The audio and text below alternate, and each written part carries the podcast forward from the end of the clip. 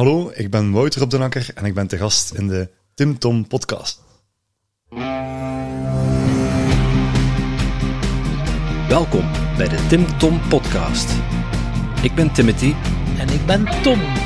Samen zijn wij jouw GPS naar geluk en succes.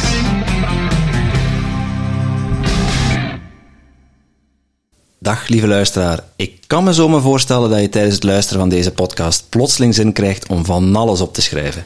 Wat zou jij nu werkelijk willen met al die inspiratie en al die inspirerende gasten? Maar dat is nogthans helemaal niet nodig. Oeh, dat is niet nodig. Hé, hey, kan ik dat niet allemaal niet onthouden? Ze? En eh, wie gaat dat opschrijven voor mij? De kaboutertjes misschien? Nee, maar dat hebben wij al voor jou gedaan. Surf naar www.timtompodcast.com en daar vind je een blog boordevol tips en wijze inzichten van onze gast. En als je er dan toch bent, download dan meteen ons gratis e-book vol boekentips, luistertips en nog meer inspiratie voor jouw persoonlijke groei. Dag lieve luisteraar, welkom bij alweer een nieuwe route van de Tim Tom podcast. Ja, dit keer zitten we in het uh, West-Vlaamse, je dat? Het ommeland van Brugge? Brugge, zeker? Brugge. Brugge. Ja. ja. Zoiets. West-Vlaamse luisteraars gaan dan onder de trekken komen. Maar uh, mensen die nu gaan pijzen dan ze West-Vlaams gaan, nee hoor, dat is zo'n Limburger dat is uitgeweken naar West-Vlaanderen, ja. de nagespoelde. En ja, hoe ken ik uh, die mens? Uh, hij was heel enthousiast als we ons eerste festival organiseerden. was een van de eerste die zijn ticket had. Oh ja, de Max Gast, wat dat. Ik zei, wie is dat? Ken ik die niet? Dus dan de eerste keer contact dan op festival. Ah, zei hij dan die? Of wat? Goed. Uh, klapje gedaan. En dan was er ook uh, vorig jaar in de winter of in de late herfst verbindend vuur. was fantastisch. 1111 mensen met een heel groot vuur. Ze hadden ook gelijk ons zo zot of iets op twee maanden tijd volledig georganiseerd. Crazy, ja, ja. En uh, normaal gezien gaat er nu een, ging er een verbindend water komen, maar Wouter gaat er alles van vertellen. Maar ik pijs dat het in het water is gevallen, geloof ik. Ik heb hem ondertussen ook nog gezien bij Elle Verellen, als dokter Juliaan er was. Dus die kennen we ook, dokter Juliaan. Dus ook een heel... En Elle Verellen ook trouwens. En Elle Verellen ook. Maar een heel inspirerende gast met persoonlijke groei bezig. En ook bezig met de juiste dingen. Ook uh, kritisch kijkend naar de wereld en naar zichzelf. En daar houden we van. Zeker, ik heb er goesting in. Laten yes. we beginnen. Klopt. Dag Wouter, welkom bij onze podcast. Goedemiddag, welkom in Brugge. Ja, dankjewel voor de uitnodiging om hier in jouw nederige stulpje te mogen neerstrijken. Dus uh, het voelt je van Iske goed. Kom je binnen, voel me van Iske thuis. Dank je, ja, dat is heel belangrijk voor mij dat uh, ja. mensen zich snel thuis voelen. Niet alleen in mijn omgeving, maar ook uh, thuis natuurlijk. Dus, en dan uh, die boekenkas, ja, ja dan is Daar heb je wel goed in gekeken. Ja, daar heb je goed in gekeken. En allemaal op kleuren gerangschikt, zag ik. Is dat uh, een kantje van nu zo van... dat heb ik ook al heel goed gezien. Timothy zei het daarnet van wie in de boekenkast kijkt, kijkt in zijn ziel. Um, ah, wel ja, inderdaad. Ik ben uh, iemand die heel gestructureerd uh, kan werken, heel uh, doelgericht kan werken, heel hands-on probeert te zijn in en zo ook in het leven probeert te staan. Dus dat die boeken op kleur staan, dat is inderdaad een, een, een, kantje van mij dat eigenlijk alles heel uh, mooi, netjes, ordelijk mag zijn. Dat schept ook uh, rust en, en, orde in mijn hoofd. Ah, ja. Dus dat is, uh, dat is mooi meegenomen om dan naar een mooie boekenkast te kunnen en kijken. Kunt u er dan niet in verliezen? Dan echt dan eens een beetje perfectionistisch, dat het dan mm. juist meer stress krijgt dan ja. rust in uw hoofd? Nee, dat is misschien wel een, een, valkuil daarvoor. Maar ik ben mij daar wel heel bewust van. Dus ik ga mij ook zeker niet verliezen in iets. Ik ben ook iemand die heel relativerend in het leven staat. Als er iets niet juist staat, eh, er gaan ook boekjes tussen staan die niet volgens kleur liggen. Um, ja, dan, uh, dan ga ik dat ook langs mij neer kunnen leggen. En dat is in alle domeinen van mijn leven zo. Dus uh, bepaalde zaken die, die tegenvallen. Je hebt het in de intro al, al gezegd, hè, het, het verbindend water. Dat ik op 1 juli met een heel enthousiast team wil organiseren. Is helaas in het water gevallen. Maar ik laat dat niet op mijn hart komen. Hè. Je kunt daar wel zo een keer heel jammer vinden, verdrietig uh, rond voelen. Maar ik denk, ja, dat het leven gaat verder. Het leven is veel meer dan, dan, dan een, een event, uh, waar we wel heel grootse dingen mee konden uh, bereiken. maar goed, ja, er zijn zaken die, die mij veel nauwer aan het hart liggen, nog nauwer aan het hart zelfs. Um, mijn eigen gezondheid, gezondheid van mijn ouders, van mijn lief, van de mensen die heel dicht bij mij staan. En als er dan zaken zijn die omwille van bepaalde zaken niet kunnen doorgaan of, uh, of niet lopen zoals dat ik ze wens, uh, ja, dan is het ook mijn verantwoordelijkheid om daarmee om te gaan. Uh. Ja, want nu heel wat luisteraars, die, zullen, die zag ik ook op het eerste event van jullie, Verbindend Vuur. Dus hey, je bent niet van Tim Tom Podcast, dat is ook heel, heel bijzonder, dat zo herkend worden zo ja, op klopt, festivals klopt. en events. Dus ja, nu luisteraars die nog niet weten, want in de podcast, nu nemen we het op, maar binnen twee weken is het al online. Uh, die gaan zo zeggen, allee, hoe komt het dat niet doorgaat? Dus neem ons mhm. een keer even mee. Uh, ja, wel. Dus uh, misschien van begin af aan vertellen. Hè? Dus we hebben inderdaad een heel succesvol verbindend vuur op 11 november, 11, 11, 22 was dat toen georganiseerd. Misschien heel even, hoe is dat ontsproten. Hoe is dat ontstaan? Ja, neem ons volledig mee. Volledig ja, mee ja, ja, van dat verbinden. Dus, um, dus het, het verbindend uh, vuur, dat is eigenlijk tot stand gekomen uh, vanuit een idee van uh, Steve van Herwegen. misschien jullie ook wel gekend. Staat op onze hitlist. voilà, kijk. ik zal jullie zeker aanbevelen om een keer langs te mogen gaan en waar gaan bij hem thuis. Ja. gaat dat met veel plezier doen. Steve en ik, we waren zo ja, eind de zomer van vorig jaar, 2022 Um, waar we zo aan het overleggen van ja, wat zouden we kunnen doen om een keer iets groots te organiseren. Waar, ah, want er is toch echt nood aan verbinding, aan samenkomst om iets moois. En toen dacht ik van ja, we moeten misschien iets doen met 11-11. Uh, dat is een hele mooie datum. 11-11, 22, wapenstilstand. Misschien dat we iets kunnen doen rond verbinding. Hoe gaan we dat concreet in de maatschappij brengen? Um, en Steve en ik kwamen dan op het idee van ja, waarom organiseren we niet één groot kampvuur? Hè? Ik had dat al meegemaakt op een, uh, een mannenfestival waar ik aanwezig was.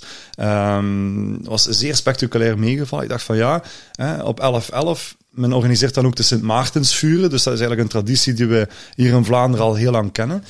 Um, en ja, en waar kan men beter ja, bepaalde trauma's uh, verwerken, uh, heel boeiende gesprekken uh, hebben, men, waar kan men heel boeiende verhalen vertellen. Dat is rond de vuur. Hè? Dat gebeurt al sinds de oertijd. Dus als we dat terug kunnen brengen in onze maatschappij, dat we daar die verbinding kunnen organiseren, en dan zorgen we nog voor heel wat randanimatie, een mooi podium met zeer interessante, inspirerende sprekers, ja, dan, dan zou er wel eens een keer iets moois kunnen ontstaan.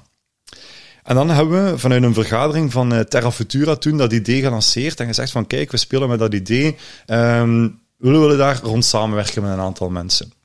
Toen heeft uh, de groep van Terra Futura op dat moment gezegd van oké, okay, uh, doe dat uh, en, en we gaan dat ondersteunen in alle mogelijke vormen.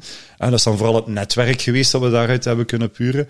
En Steve en ik hebben toen nog een, een, een, negental andere mensen rondom ons verzameld. Dus we hebben met elf mensen dat event... Was met elf ook bij Elf, elf. Het was eigenlijk allemaal heel symbolisch geworden. Um, we zijn dan ook gestart met de ticketverkoop op 10 oktober, dus 10-10. Uh, dus het was allemaal heel bewust in, in de cijfermatige uh, symboliek dat we hebben gewerkt of, of hebben kunnen werken. Ja, en, en de rest is geschiedenis. Uh, toen hebben we eigenlijk op, op een, een zestal weken tijd heel dat event in elkaar gebokst. Uh, we zijn met 0 euro begonnen. Um, ja, alleen maar vrijwilligers. Dus uh, er zijn geen uh, echte professionelen aan te pas gekomen. Net de leveranciers voor onze drank. de mensen van het vuur, dus die wat professioneel goed hebben. Um, de locatie moesten we zoeken, proberen te financieren met de inkomsten en zo. Dus, en dat is ons vrij goed gelukt. Alles had ook mee. alles ging heel vlot qua organisatie. Ook het weer zat volledig mee. je was zelf aanwezig. Ik denk dat er een prachtige avond was. Uh, natuurlijk hebben we daar uh, bepaalde zaken uh, mis ingeschat, omdat we het heel snel moesten doen. Het was onze eerste keer dat we zo'n groot event deden. We hadden links en rechts al wat ervaring van kleinere events te organiseren, maar dat was toch wel ehm, ja, ja. Een, een, schot in de roos. wij kunnen erover meespreken, over wat er allemaal bij komt kijken bij het mhm, organiseren mhm. van een event. En zeker als je dat in zes weken doet. Wij hebben dat ook gedaan. Klopt. En, uh, ik was er ook aanwezig. Redelijk, redelijk geschift, ja, je was er ook bij. Het is, is, redelijk geschift dat er op zo'n korte tijd moet gebeuren. Klopt, dus, klopt. Wat je zegt van alles zit mee en alles leek, het leek allemaal wel een beetje vanzelf te gaan, mm dat herken ik ook wel. Mhm.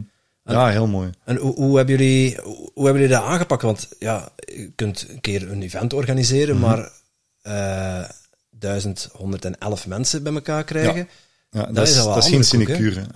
Um, eerst en vooral, we zijn dan samengekomen met ons elf, enkel digitaal. Dus we zijn toen enkel digitaal kunnen samenkomen, dat we ook vanuit heel Vlaanderen uh, georganiseerd waren. Dus we hadden ja, mensen over heel de provincie verzameld om op dat moment ja, te kunnen samenkomen op 11 november. En dan was dat elke zondagavond 19.30 uur samenkomen achter de Teams-meeting of de Zoom-meeting dat we dan uh, opzetten. Uh, om dan heel praktisch te werk te gaan. Uh, we verdeelden wat verantwoordelijkheden en bevoegdheden naar elkaar. Um, Steve en ik probeerden zo wat de, eindverantwoordelijkheid daarin te, te nemen. En moet je niet zoveel doen, hè. Dat Hoe zeg je? Ja, dan moet je niet zoveel doen. Hè. Ja, dat denk je. nee, dat zijn toch wel... Um, allee, ik heb een hele interessante uh, en drukke ja, fulltime job, maar dat was nog een meer dan fulltime job die erbij kwam. Um, ja, ik zat toen ook in een uh, startende relatie, uh, een nieuwe relatie met Linde. Uh, ja, dat kwam er ook allemaal bij, dus je moet daar ook dan in proberen te schipperen enzovoort. Dus, dus dat was eigenlijk een, een heel intense, maar, maar ja, heel voldoeninggevende periode voor mij. Om, om dan eigenlijk toe te werken naar dat ene doel. En als je dan ziet dat die, die, het enthousiasme daar rond uh, zo groot wordt, dat er dan uiteraard ja, een aantal criticasters zijn van de, van de mainstream, omdat we heel wat um, ja, kritische geesten hadden uitgenodigd als spreker, um, dat voor de borststoten. Dat is natuurlijk jammer, maar uh, ja, dat zit al uh, in de aard van het beestje sinds, sinds mijn puberteit, om zo wat... Ja, tegen het systeem en tegen uh, huisjes in te trappen. Dus, um, maar altijd op een heel positieve wijze. Ik, ik heb altijd uh, gedacht van ja, we kunnen uh, iets veel mooiers doen dan wat ons wordt, wordt, wordt voorgeschoteld. Dus ja, en dat is eigenlijk gelukt dus, zo, om terug te komen op uw vraag.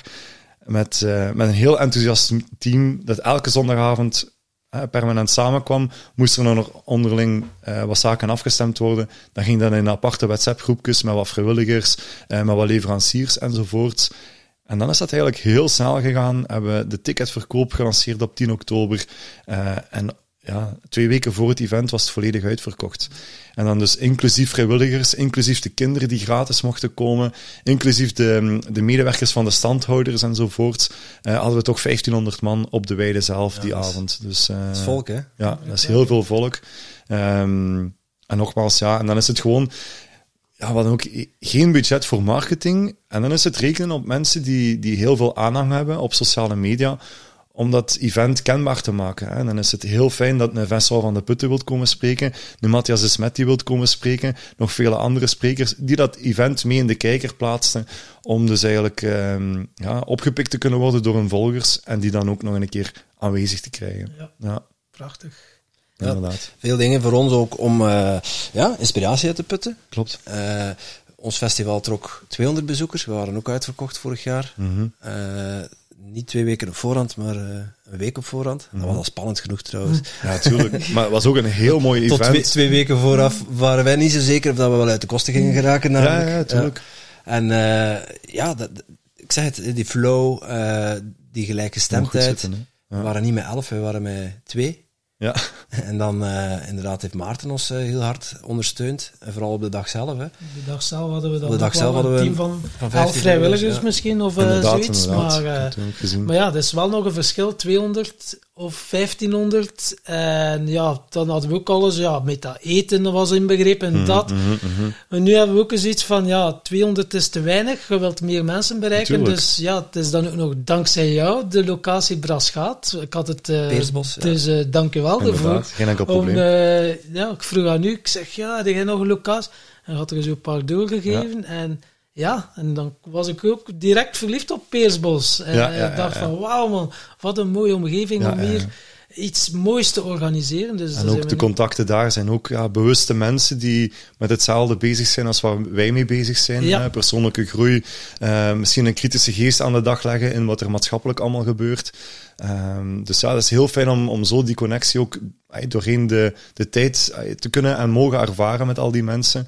Uh, om daarmee te kunnen en mogen samenwerken, dat is echt wel een, een voorrecht en een verrijking voor het leven ja, ook. Voor nu, mij. jij laat dat getal afvallen, 1500 mensen, denk ik, ja, met onze vrijwilligers, ja, gaan we ook wel ergens tussen de 1000 en de 1500. Die plaats kan dat ook aan. Ja, je wilt ook geen 4 of 5000 mensen. Het moet ook wel, allee, ja, het is ja, en Moet draagbaar blijven Ja, ook, hè? nog niet, Nog niet, ja. maar eh, beperkt. eh allee, je wilt toch mensen kwaliteit leveren Exact. En dat mensen echt wel een volledige dag worden ondergedompeld in persoonlijke groei, dat ze ook even worden geconfronteerd met een zelfverbinding kunnen maken, Voilà. dat ook alles bespreekbaar is. En als je dan ook eh, ja, inspirerende sprekers hebt, die heel bekend zijn, zowel in Vlaanderen als in Nederland, en die willen ons komen steunen, die zeggen van, gasten, ja, we hebben blijkbaar een hoge gunfactor. Die zei, wij komen zo af als er zo'n Baptiste Pape zegt Ja, van, eh, of een Edwin Selei en een Lars Faber. Als die zeggen van, gasten, wij, wij, wij komen af, wij doen dat om, om te steunen. Ja, Dan zijn wij Ja, zoiets mooi, van, wow, amai. Ja. En wij zijn ook maar zo twee gastjes die zo dat als hobby doen. Klopt. Eh, de podcast, echt altijd wel met volle goesting. Eh, anders zouden dat zo lang niet vol natuurlijk. Exact, exact. En dan investeerde vooral in tijd, energie, maar dat maakt u niet uit. De connecties die je maakt zijn onbetaalbaar. Ja? Zo, Mhm. Kijk, dankzij de podcast kennen we jou ook nu. En dat Mhm, is mhm. enkel maar mooi. Al die hartsconnecties dat je legt Klopt. met zo mooie mensen. Ja, daarvoor leeft uiteindelijk. Ja, ja, ja, dat ook ja. hebben, Tom? Het wordt een beetje sentimenteel nu. Nee, ik ken de snot nu, dus een eh, Ik heb hier anders staan. Zo. ja. Nee, maar, Nee, dat maar is- inderdaad, zeg maar, ah, ik bewonder dat ook, die, die geestdrift die mensen kunnen aan de dag leggen om zulke zaken te organiseren. Want eh, er kruipt heel veel tijd en energie in. En als je dat vanuit een, een positieve ingesteldheid kunt en moogt doen, ja, dat, dat geeft zoveel voldoening als het dan het resultaat geeft wat dat je hoopt, of zelfs nog beter resultaten geeft. Hè. Ik had nooit durven dromen dat we met, eh, met zoveel mensen zouden kunnen samenkomen op, op, op 11 november. Ehm, en ay, houd vasthouden, maar eh, ja, eh, laat ons hopen dat dat in de toekomst eh, nog eh, mag lukken. In het verleden is het al meermaals gelukt om, eh, om zulke zaken te organiseren en, eh, en tot een goed einde te brengen. Maar eh, ja, daar ga- gaan we zien wat, eh, wat maatschappelijk nog de trends zijn en eh, waarop dat we kunnen inspelen en zo. Ehm, en natuurlijk, ja, persoonlijke groei hoort daar ook bij. Hè. Gewoon in het proces er naartoe. Ja, Werkt je eigenlijk al aan jezelf door hè, bepaalde schaduwkanten misschien van jezelf tegen te komen?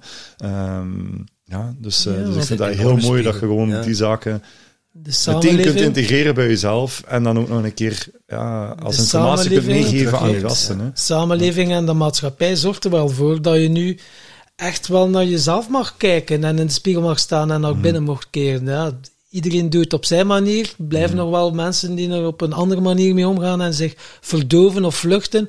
Maar er is toch heel veel veranderd na 2020. Heel veel mensen die toch even zijn wakker geschud, letterlijk, en die zoiets hebben van Mhm. wow, wat is er hier allemaal gaande? Ja, dat klopt klopt. dat nog? Eh, En zichzelf ook kritische vragen gaan beginnen stellen en Mhm, ook naar anderen. En je ziet echt wel een verschuiving. En ik merk ook de gelijk, we hadden het met Alemieke er ook over. Ja, de oppervlakkige gesprekken zijn eruit. Zo mensen die echt zijn wakker geschud, Mhm, mhm, vinden mhm. elkaar snel. En er is ook direct zo een hele diepe connectie. Connectie, ja, ja. Omdat je ook over andere thema's kunt babbelen, die eigenlijk veel dieper en veel kwetsbaarder zijn voor vele mensen. Ja. Ja, en, en verbinding vertrekt voor mij, voor mij eigenlijk ja, vanuit vrijheid enerzijds, maar ook vanuit een deel kwetsbaarheid. Hè. Van hoe kwetsbaar durft jij je openstellen naar de ander?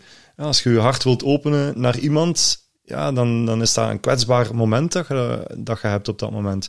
Ehm, dus ja, en je kunt maar in, in die mate gaan connecteren als de ander dat ook wilt. En ik denk, die mensen met die ingesteldheid, dat die elkaar wel sneller en sneller aan het vinden zijn. Hè. We hebben inderdaad met eh, de coronacrisis eh, en alle perikelen daar, daar rond, eh, ja, toch gezien dat, dat mensen die er hetzelfde over dachten, elkaar zijn beginnen opzoeken. En dat die ook zijn gaan vaststellen dat die op andere domeinen in het leven ook goed met elkaar overweg kunnen. Met hoe dat ze in het leven staan, eh, wat dat ze belangrijk vinden, welke waarden en normen dat ze delen. Eh, en zo ja, heb ik ook nu de laatste drie jaar enorm veel mensen leren kennen die ook bezig zijn met eh, persoonlijke groei. Ook een keer tegen heilige huisjes durven aan eh, schoppen. En als je elkaar daarin weet te, te vinden en, en op de verschilpunten die er mogelijk nog zijn, weet te respecteren op een menselijke manier, ja, dat is, dat is heel, heel mooi. Hè? Ja, dan is het ook weer dat stukje authentiek zijn, hè, wat dat belangrijk is. Ja, van, eh, en durf het ook uit te spreken op een manier. Ja, het kans dat je dan wel uh, wordt uh, geband en zo op mm -hmm. social media mm -hmm. van mensen die het echt wel goed menen met onze samenleving. Hè, om dan, ja, Matthias Smet komt nu, of Sam Brokken bijvoorbeeld, ja. die zijn ja. gewoon afgemaakt geweest, klopt, terwijl dan klopt. ze gewoon kritische vragen stellen en, en zelfs Hey, ik las een post, maar ik wist het niet. Zelfs uw goede vriend als Stefan Erwegen is dan ook uh, ja. van de Bond van Psychologen, Logen, of hoe noemden ze? Uh, de Raad van Psychologen. Ja, uh, ja, Gewoon omdat hij gewoon eerlijk ja, zijn mening geeft. En ja, Steve is intussen een hele goede vriend van mij geworden.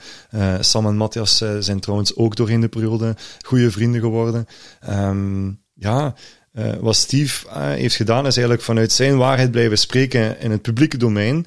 Um, ja, wat de psychologencommissie, of ze daar nu mee akkoord gaan of niet, als je een mening geeft, ja, dan mag je van mening verschillen. Dat is net uh, ja. de essentie van een democratie, van een vrije samenleving waar we in, in, in wonen.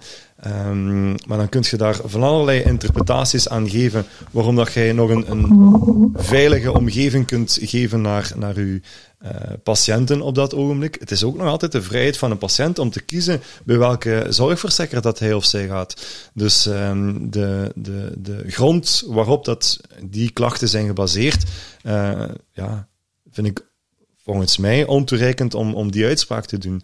Um, en dan... Uh, spreek ik puur vanuit mijn persoonlijke uh, ervaring naar Steve toe, hoe dat ik hem ken en hoe dat ik eigenlijk uh, via sociale media uh, en volgens hem rechtstreeks het verhaal heb gehoord. want er zijn geen cliënten van hem die klachten hebben gediend ja. tegen hem. Dus, ja. ja, bijzonder. Maar dan om terug, dus verbindend vuur. En je vertelde net van het ook wel een droom of je zielsmissie is om de vijf elementen aan bod te laten Ja. komen. Dus het tweede was dan verbindend water, maar dat Klopt. ging dan niet zoals Ja. het... Inderdaad, daar gingen we ook nog op terugkomen. Dus het, eh, het verbindend water, hè, dus vanuit het succes van eh, verbindend vuur, eh, hebben we opnieuw een, een, een nieuw team samengesteld met grotendeels dezelfde mensen, om eigenlijk te, te gaan werken naar verbindend water. Ja, we hadden al vrij snel een heel mooie locatie op het oog in stad Middelkerken. Eh, toen heb ik eh, contact genomen met eh, Jean-Marie de Dekker, de burgemeester daar. Van kijk, eh, Jean-Marie, eh, je hebt in, eh, in, in de coronaperiode jouw nek uitgestoken dat iedereen welkom blijft, hè, gevaccineerd of niet gevaccineerd. Eh, we vinden dat eigenlijk heel moedig van u. Ehm, kunnen we een event organiseren in Middelkerken, uh, dat eigenlijk terug naar die verbinding wilt gaan, waar iedereen welkom is, uh, ongeacht welke mening dat iemand heeft. Um, en Jean-Marie was laaiend enthousiast over uh, het idee. Hij, hij, zag dan ook de foto's van het verbindend vuur en hij zei onmiddellijk tegen mij, Wouter, dat event gaat dit jaar in Middelkerken door. Um, we gaan het u zo gemakkelijk mogelijk maken, zegt hij.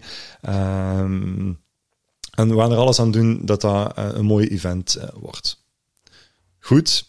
Uh, op, gegeven die omstandigheden, of met de kennis die hij en, en, en wij als groep op dat moment hadden, was dat ook effectief het geval. we gaan samen zitten met Stad Middelkerken, een en ander al praktisch bespreken enzovoort. we krijgen een hele mooie locatie toegewezen. Um, maar hoe dat, dat gaat in de procedure naar de aanvraag van de locatie, moet je eerst een een principiële goedkeuring vragen en dan de officiële toelating vragen. Ja, dus uh, met uh, de intekening van uh, uw, uw, domein enzovoort. Want we gaan daar toch het openbaar domein gaan benutten. Die principiële goedkeuring, die hadden we meteen, was, was meteen in orde. De effectieve goedkeuring, die kregen we ook, maar met voorwaarden. En toen is er ons ter oren gekomen dat uh, DPG Media dezelfde locatie ook uh, had bevraagd. En daar eigenlijk met een groot reuzenrad en met een, een, studio en met een podium ook, dus ook met artiesten enzovoort, op diezelfde locatie wou staan. Nu, die locatie was op te delen in twee. Um, maar het, het, spreekt voor zich. Zij wilden daar een hele zomer gaan staan. Dat zij de mooiste locatie zouden krijgen. Ja. Ik denk dat dat een opportuniteit is die Stad Middelkerken gewoon niet kon weigeren. Uh, we hebben daar uiteraard alle begrip voor. Jean-Marie of niet? Hoe zeg je? Jean-Marie of, Jean of niet, inderdaad. Ja. Dat is als uithangbord voor een stad is dat ja, prachtig als, als je in een hele zomer Joe FM uh, voor je deur hebt staan. Ja, dat is uh, qua, qua marketing voor een stad is dat Ja, dat is 30 keer per dag ja. Middelkerken door, door de radio. Klopt, ja. klopt, klopt. Hè? Dus, uh, dus in die zin hebben we daar alle begrip voor van hoe dat, dat is ontstaan. Helaas, hè, wij zijn natuurlijk daar een eendagsvlieg op dat moment. Die, die hè, mikte toch op een, een 2000-tal deelnemers voor dat event. Um, wij werden een beetje verdrongen naar de parking van die locatie, letterlijk. Uh, maar die parking lag tussen twee duinen. En op dat moment hadden we het gevoel van, ja, nu gaan we de verbindende duinen worden, in plaats van de verbindende, uh, het verbindend water liever. Ook het, het opzet van, uh, van ons event ja, kwam daarmee ja, letterlijk in het water te vallen. Excuseer. Dus ja, um, hebben we eigenlijk vorige week een heel moeilijke beslissing moeten nemen om te zeggen van kijk, we gaan dat event annuleren. We hadden nog uh, gepoogd naar een andere badstad te kunnen uitwijken. Uh, daar, uh, bijvoorbeeld bij De Haan, was men uh, minder enthousiast over ons project. Ehm, wellicht uit de, de, de, maatschappijkritiek die we aan de dag hebben gelegd in het verleden. mogelijks. want de ambtenaar zelf was heel enthousiast, de politiek was minder enthousiast daarover. Ja. Dus dat zegt ook al wel wat. Um, dat enerzijds. En anderzijds, ja, eh, als je ook naar een nieuwe locatie moet gaan, dan moet je opnieuw met die gegevens uh, iets heel nieuws gaan uitdenken qua concept enzovoort. Um, ja, en het was onze betrachting om, om de magie van het verbindend vuur, de sfeer van het verbindend vuur, het concept van dat verbindend vuur, ja, minstens te evenaren op dat event. Ja, en dan hebben we beslist, ofwel doen we het heel goed, hè, ofwel doen we het niet. En dan is het helaas uh, de keuze voor dat tweede moeten worden, uh, omdat we het niet heel goed konden doen, gegeven de omstandigheden. Dus ja, dat zijn ook tegenslagen waar je mee moet rekening houden. maar we hebben nu al gezegd dat we met minstens zoveel enthousiasme naar 11, 11, 23 gaan werken de zaterdag, om dan opnieuw het verbindend vuur in Kesselo te organiseren. Dus dat staat vast. Hè? Dus daar hebben we de locatie al, uh, al besproken.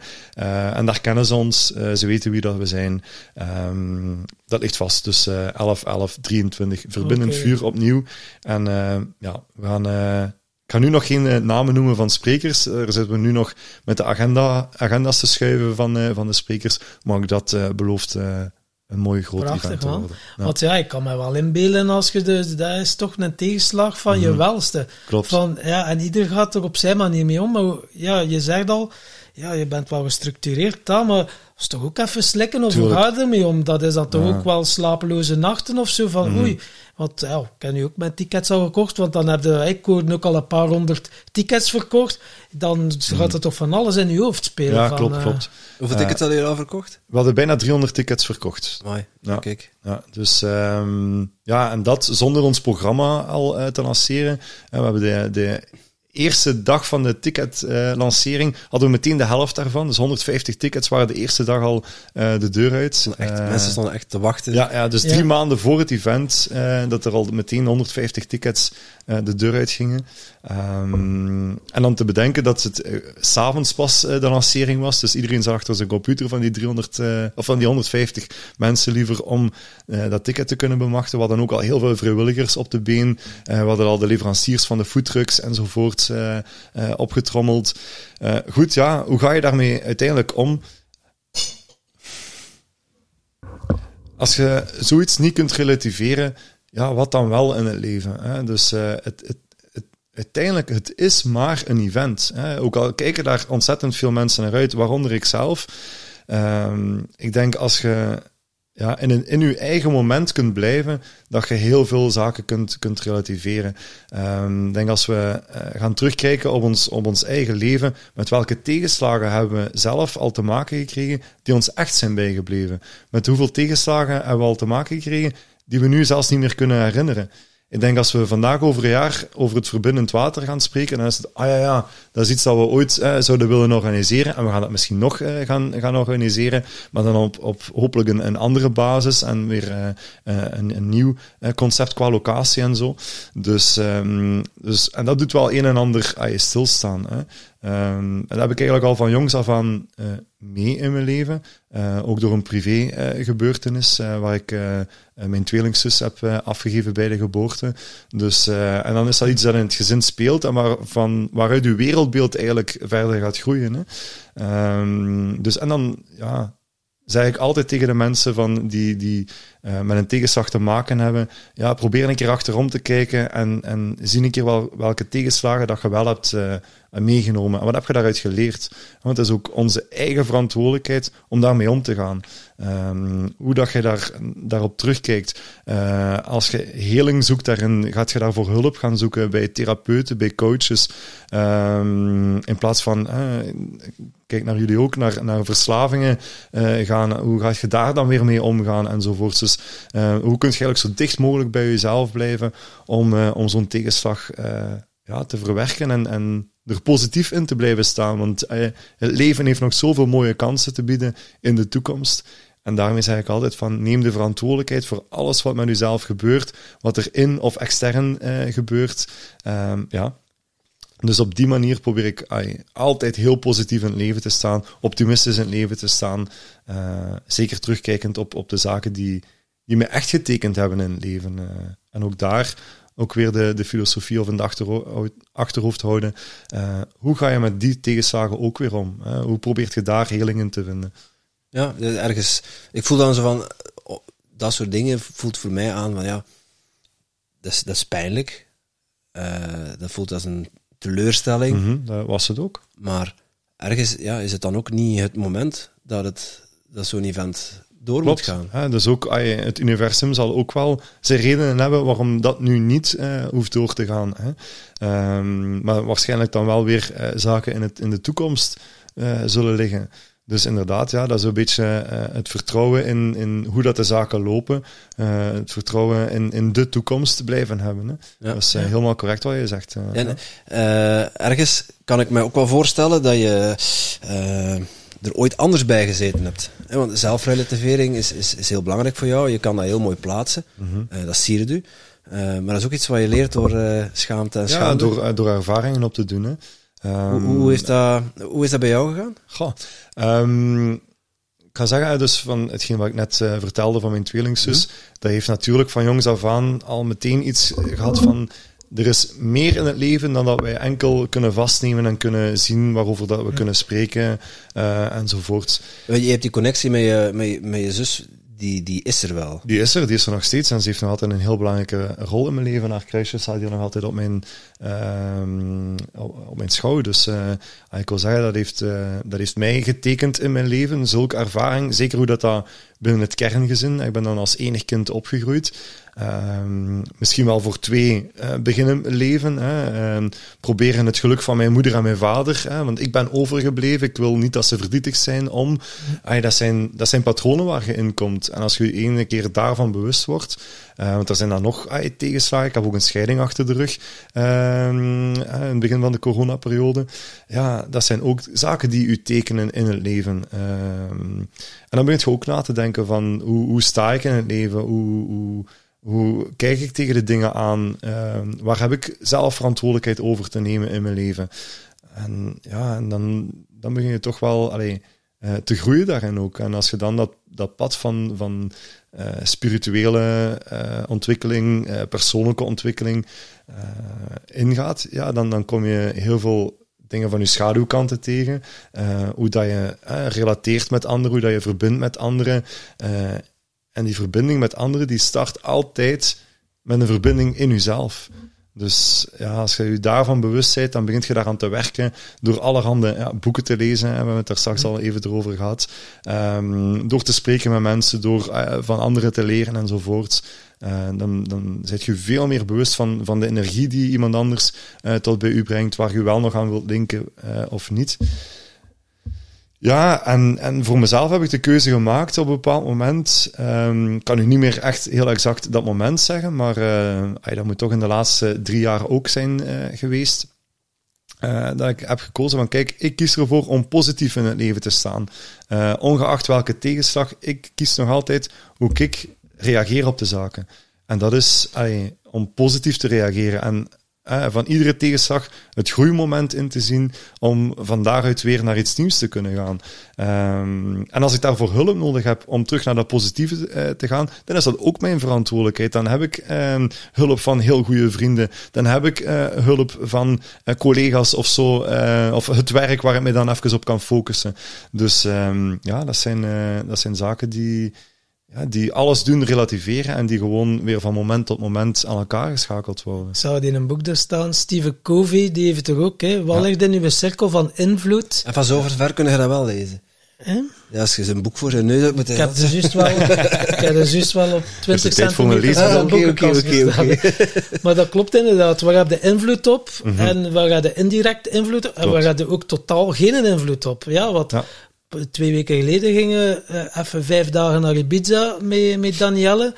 Mhm. ik, eh, ik mocht mee, Danielle niet. Het vliegtuig was overboekt. Ja, oké, je kunt er van alles van vinden, maar het is wat dat is. Oké, 13 uur later zijn we er dan toch toegekomen. Ze hebben ons naar Parijs gevoerd en dan zo tussenvlucht. Leuk is dat allemaal niet. Maar je kunt, ja, hoe kun je die 13 uur invullen? Ja, je kunt jij, oh, zie het alleen mij, kijk, dat is weer een halve dag kwijt. En ja. Je hebt elkaar misschien een keer een goede knuffel een gegeven knuffel op dat en er waren nog twee andere. Voilà. En in die was heel in, in bitcoin en in beurs. Dus die mij wat tips gegeven. Dus Voilà, het kan mij misschien geleerd. nog duizenden euro's winst opgeleverd hebben door dit te zitten. Dus Ja. dan, zo kijk ik er daarnaar. Ja, dat is mooi. Dat is maar mooi. eh, ja, het zijn gewoon feiten. En dan zie je dat, oké, wat kan ik nu doen? Of wat kan ik Mhm. er nu aan veranderen? Wie of wat heb ik nodig?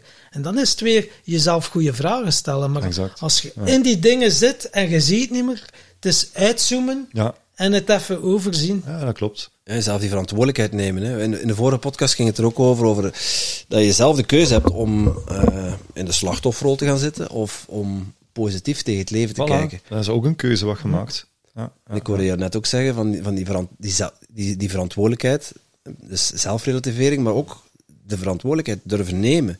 Ja, klopt, klopt. Ja, de verantwoordelijkheid nemen voor een tegenslag dat je misschien zelf, of zelfs voor fouten die je maakt. En is het uw verantwoordelijkheid om, eh, ik zal zeggen, ja, excuses aan te bieden als je een fout hebt gemaakt, te leren uit die fouten, eh, ze niet meer te herhalen, die fouten. Dus dat zijn allemaal zaken waar je opnieuw zelf verantwoordelijkheid neemt over je eigen leven. En dat gaat in heel veel domeinen zo. Ehm, ehm, mijn relaties met anderen is mijn verantwoordelijkheid. Ehm, mijn emoties zijn mijn verantwoordelijkheid. Hè? Want als ik mij verdrietig voel, ehm, ja, welke gedachten ga ik dan aansturen? En zelfs die gedachten zijn op dat moment mijn verantwoordelijkheid. Daar kunt jij niet aan doen. Hè? Je kunt wel invloed of, of, of ehm, soort soms dwang ervaren van, van buitenaf. Maar ook Of op olie dat op het vuur moment. smijten. Ja. Hoe zeg je? Of wat olie op het vuur smijten. Voilà, voilà, dat kan allemaal. Hè. Dus, eh, en het, het kan heel heftig worden. Hè. Ik heb ook eh, heftige discussies achter de rug in, de- in de mm, eh, voorbereiding naar bepaalde events. Als je strategisch op een, een ander spoor zit, dan kan dat er ook van, van komen. Maar ik kies er op dat moment voor om dat echt als strategie te, te bekijken en niet als, als iets dat tussen ons als persoon kan komen te staan. Want je zijn nog altijd twee mensen, twee zielen, die elkaar vanuit respect kunnen benaderen. Eh, en dan mocht je van, van visie verschillen. Dus in al die domeinen ja, wijs ik altijd terug op wat is mijn verantwoordelijkheid, waar kan ik iets aan doen. Hè? Dus eh, wat Stephen Covey ook eh, Ja. terecht zegt van de, de circle of ehm, influence en, eh, en de zaken waar je dan geen eh, invloed op kunt uitoefenen. Dus ja, dat zijn ehm, heel belangrijke lessen in het leven geweest. Wie, wie zei dat nu ook alweer? Was in een andere podcast. Want als je met een vinger wijst naar iemand anders, zijn er Ja, altijd zijn er drie, die naar jezelf wijzen. Ja, Ja, ja. klopt, klopt. En één naar omhoog. Als je zo doet wel. Ja. Ja, maar dat klopt. Ja, het zijn er drie wat naar jezelf wijzen. Ik denk dat Vincent van de Putten was. Begin, er weer. Ja, Vincent van Ja, Putten. ja, Ja, ja, ja. Heeft hij zulke wijze dingen gezegd? Ja, Ja, ja, bij ons ja, niet, pas op. Hij, hij beetje- veel, maar... eh, Ja, viel bij ons ik mag dat zeggen, het is een goede Ja. kameraad Ja, van mij. ja. wij ook. Ja, Ja. viel wel een beetje tegen, man, zo in de podcast. Hè. Ja, ja. Nee, de. Vincent. Ja, best wel. Ja, een zalige Heel- kerel. Echt, dat is een zalige kerel. eh, Ook, dat is ook een van eh, nu mijn beste vrienden geworden. Doorheen de crisis enzovoort. Eh, ik ben eh, samen met Dirk Teuns een keer tot bij hem thuis geweest om hem te ontmoeten toen. Eh, en sindsdien zijn we zo met ons drie, de drie musketiers geworden in een WhatsApp-groepje. En ja, wij proberen ook heel veel te relativeren in wat er gebeurt in de maatschappij enzovoort. Dat is dan eerder wat, wat maatschappelijke kritiek en zelfkritiek die we proberen te, te doen daarin. Maar ehm, ja, Vessel is ook iemand die heel veel wijsheid brengt. Ook in een heel mooie podcast ja. uh, heeft met Business Dad. Heel inspirerend ja. ook. En ook zijn uh, filmpjes op Facebook. Weten hoe erg dan de dingen ook mogen zijn. Ja, klopt. Zie, bekijk het altijd nog door de bril van humor. Ja, en heel dan belangrijk leven, relativeren ja. humor. En als dat ene goed kunt, ja, dan is de Vincent wel. Dat is de eh, dat is, eh, dat is Eh, eh, gewoon zalig. dagen. Ja, maar dan een Je crisis gaat wel nog veel boterhammen moeten eten om eh, aan Toon Hermans te kunnen tippen. En dat is Ah, misschien ja. ook iets dat uit de boekenrek eh, komt. Ja, ja, ja. ja. Eh, ja, waar Toon altijd met heel veel zachtheid en heel veel, ehm, ja, moet ik dat zeggen, finesse de humor kon overbrengen en, en ook maatschappelijk zaken kon, kon aankaarten, hoe dat mensen in het leven stonden. Toen al, hè, dus dan heb ik het over de jaren 60 tot, tot begin jaren 90 eh, en zelfs in de jaren 90 nog, dat hij... ehm, ja, de redrace in het leven en waar mensen zich druk om konden maken, eh, ja, eh, aankaarten door, door zijn vorm van humor. Hè? Van, ook, ook daar in Toon Hermans zijn boodschap zit ook heel veel relativering, zit ook heel veel ehm, ja, zachtheid om, om, om te kunnen genieten van de dingen die echt heel dicht bij u staan. De natuur op te zoeken, de, uw, uw eigen lief, uw eigen vrouw, eh, uw eigen kinderen, ehm, uw eigen vrienden enzovoort, om daar eh, een veel diepere connectie mee te kunnen, kunnen krijgen. Dus dat is misschien ook wel een van de grote inspirators van, ja, van het, mezelf eh, het gebleven. volledige repertoire Ja. staat hier in uw boekenkast. Exact. En hoe is die fascinatie met een toon? Hoe is hij op je Goh. pad gekomen? Is dat, Eigenlijk, eigenlijk gewoon van thuis uit een beetje. Dus eh, we hadden dat vroeger, ik denk dat dat een boekje moet zijn geweest van, van mijn eigen grootmoeder, die ik jammer genoeg nooit heb gekend. Ehm, dat thuis lag en dat bij mijn ouders lag. En van daaruit zo'n keer gelezen met wat gedichtjes van Toon heel geweldig vonden. eh, of vinden op dat moment. En dan eh, ja, op de tv ook. Hè, komt Toon ook nog een keer terug. Dat was een, in de jaren 90 een, ehm, de one-man-shows van, van Toon, die op dat moment op tv kwamen, op, op, eh, op VRT of BRT toen nog. En ja, en zo eigenlijk de microben van, van Toon te pakken gekregen. Ik heb ook zijn volledige DVD-repertoire in, in de kast zitten. Ja, en dan gewoon bescheuren van lachen op dat moment van hoe dat hij de, de zaken kon overbrengen, met welke mimiek, met welke timing dat hij eh, zijn, eh, zijn cabaretshows eigenlijk eh, ja, naar voren bracht. Dat was ja, prachtig. En zo gaan de weg eigenlijk heel zijn eh, repertoire beginnen verzamelen. Eh, ik heb dan een, een, een tante die in het klooster zit, die tante Nonneke. Eh, en daar heb ik ooit tegen gezegd van, kijk, ik ben fan van Toon Hermans. En sindsdien heeft hij alle boeken voor mij verzameld. en, en altijd cadeau gedaan voor een verjaardag of voor een Sinterklaas of andere zaken. Dus ja, dat was wel, wel leuk. En dan, ja... Eh, Ik kan niet zeggen dat ik alles heb gelezen van hem, maar, eh, maar toch veelal. En, eh, ja, En ja, altijd, jij houdt ook wel van humor, want ik kijk dan in die boekenkast, dus het repertoire van Toon Hermans. En wat staat er juist naast? Eh, mijn, kamp, kamp, ja. van de Dynamis en Snorken. Ja, ja, dat inderdaad. is ook wel een gevoel voor humor. Ingeklemd tussen Ja. de Bijbel en de Koran. Ja, inderdaad. Ja, dus, eh, dus ook een mooi bruggetje. Dus inderdaad, ik heb ehm, eh, wat controversiële boeken in mijn boekenrek staan. eh wat dat één ervan is. Eh, ik ben iemand die geen taboes eh, probeert te hebben in het leven. Eh, alles is bij mij bespreekbaar. Alles moet ook gezegd kunnen worden, maar het is ook jouw verantwoordelijkheid of de ander zijn verantwoordelijkheid om daarmee om te kunnen gaan. Het is eh, mijn verantwoordelijkheid om, om over alles te kunnen spreken, maar ook van de ander om dat te kunnen aannemen. En het is niet mijn verantwoordelijkheid hoe jij daarop reageert. Ehm, en ja, dus de Bijbel, de Koran, eh, Mijn Kamp, Kama Sutra staat er ook langs. Dus dat zijn allemaal ja, boeken die, die de wereldgeschiedenis eh, toch eh, voor een stuk vorm hebben gegeven. En als ja, politicoloog van opleiding ben ik me daar toch ook wat destijds in de studies eh, in gaan verdiepen in, in dat maatschappelijke. Eh, ook toen organiseerde ik al eh, activiteiten die, die tegen de schenen konden schoppen. Ehm, maar ja, dus ay, dat, die, die boeken inspireren mij niet als dusdanig of zo. Hè. Dus die, die, eh, die gaan mij gewoon, ja, zeggen, een verhaal ja. brengen van over hoe het zat. Hè. Dus men heeft altijd al hè, de- met mijn interesse in, in politiek, heeft men het, de mond vol van ja, extreem links, extreem rechts en labels kleven op de een of de andere. een SOS of een chief of weet ik veel wat, van, van labels dat er nogal eh, gekleefd zijn geworden. Ehm, ja, heeft me ook altijd wel wat bezig gehouden van waarom wordt dat gedaan en waarom wordt iemand die, die Vlaams gezind is extreem rechts benoemd. Ja, dat kan ook vanuit een sociaal oogpunt zijn. Ehm, zo heb ik, ben ik zelf eigenlijk mijn politieke ehm, loopbaan eigenlijk ingegaan, ook als een Vlaamsgezind iemand. Uh, zelfs nog prezes geweest van de, de NSV, de Nationalistische Studentenvereniging, in een tijd. Dus um, dat wil zeggen dat ik altijd wel zo beducht ben geweest van, van die labels. Uh, en zo ook ja, over extreem rechts bijvoorbeeld. Uh, en dan is het uh, geweest, ja, de, de zaken die verboden werden, ja, die, die, die kregen mijn aandacht. Hè. Dus ja. Uh, of daar ging toch een keer op zijn minst naar luisteren van, ja, wat hebben die hier te vertellen? Uh, we zien dat nu ook in de coronacrisis. Hè? Dus het boek van uh, Matthias de Smet is verboden aan de Universiteit van Gent heden ten dagen. Hè? We kunnen ons dat niet voorstellen. Verboden dat er vandaag de dag... Voor dat mee te nemen, voor het te hebben? Om, om te onderrichten aan de universiteit. Dus hè, professor uh, Matthias de Smet mag zijn boek dat hij nu heeft geschreven niet als lectuur uh, geven aan zijn uh, studenten. Dus dat, is, dat is gewoon hetgeen dat, dat de schrijver van Mijn Kamp gewoon deed in de tijd. Hè. En dan is het van, ja, jullie zijn extreem rechts of jullie zijn ja. onverdraagzaam enzovoort. Maar ja, als we dan naar de feiten gaan kijken, dan komt die onverdraagzaamheid of dat, die bekrompen visie toch wel uit, uh, uit eerder uh, de, de, ja, wat men tegenwoordig noemt, ik gebruik dat echt niet graag, uh, de linkerhoek van het politieke spectrum. Dus, um, dus in die zin ja, zijn dat toch ook zaken die mij altijd zo hebben bezighouden.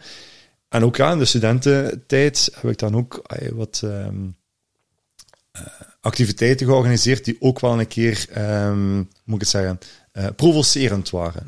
Mm. ja, dus uh, ook met, uh, met mensen die, die in de mainstream niet aan bod kwamen, politici, gaande van toen bijvoorbeeld Jean-Marie de Dekker, Philippe de Winter aan de rechtse kant of Peter Mertens aan de linkerkant, om die toch ook een stem te geven in het, um, in het debat, hè, in het publieke debat.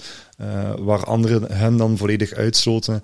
Uh, daar probeer ik uh, ook zulke stemmen aan de bod te laten komen. En nu is het nu gesteld met uw interesse in politiek? Is dat wel afgezwakt of, de, of vind je um, nog altijd boeiend? Wat is politiek? Hè? Ja. Um, partijpolitiek. Vertel jij ons wat politiek is? ja, politiek is, is dus ja, het, um, de interesse van, van de maatschappij in de maatschappij. Dus van de samenleving in de maatschappij. en hoe dat die, die, die maatschappij en samenleving uh, verdere vorm geven. Uh, dat is een, een definitie van, van politiek. Eigenlijk bestaat het niet. De maatschappij, de interesse van de maatschappij in de maatschappij. Ja, klopt. Hè? Dus van, hoe gaan we als samenleving of als maatschappij, hoe dat je het ook wilt noemen, die samenleving of maatschappij gaan vormgeven. Dat is politiek. Uh, er zijn ja, mensen los die... van welke, vanuit welke hoek of vanuit welke ideologie. Mm -hmm. Gewoon het, het vormgeven van een, bepaalde... Klopt. Ja. Ja, van hoe zien we ons wereldbeeld? Welke ideologie hangen wij aan?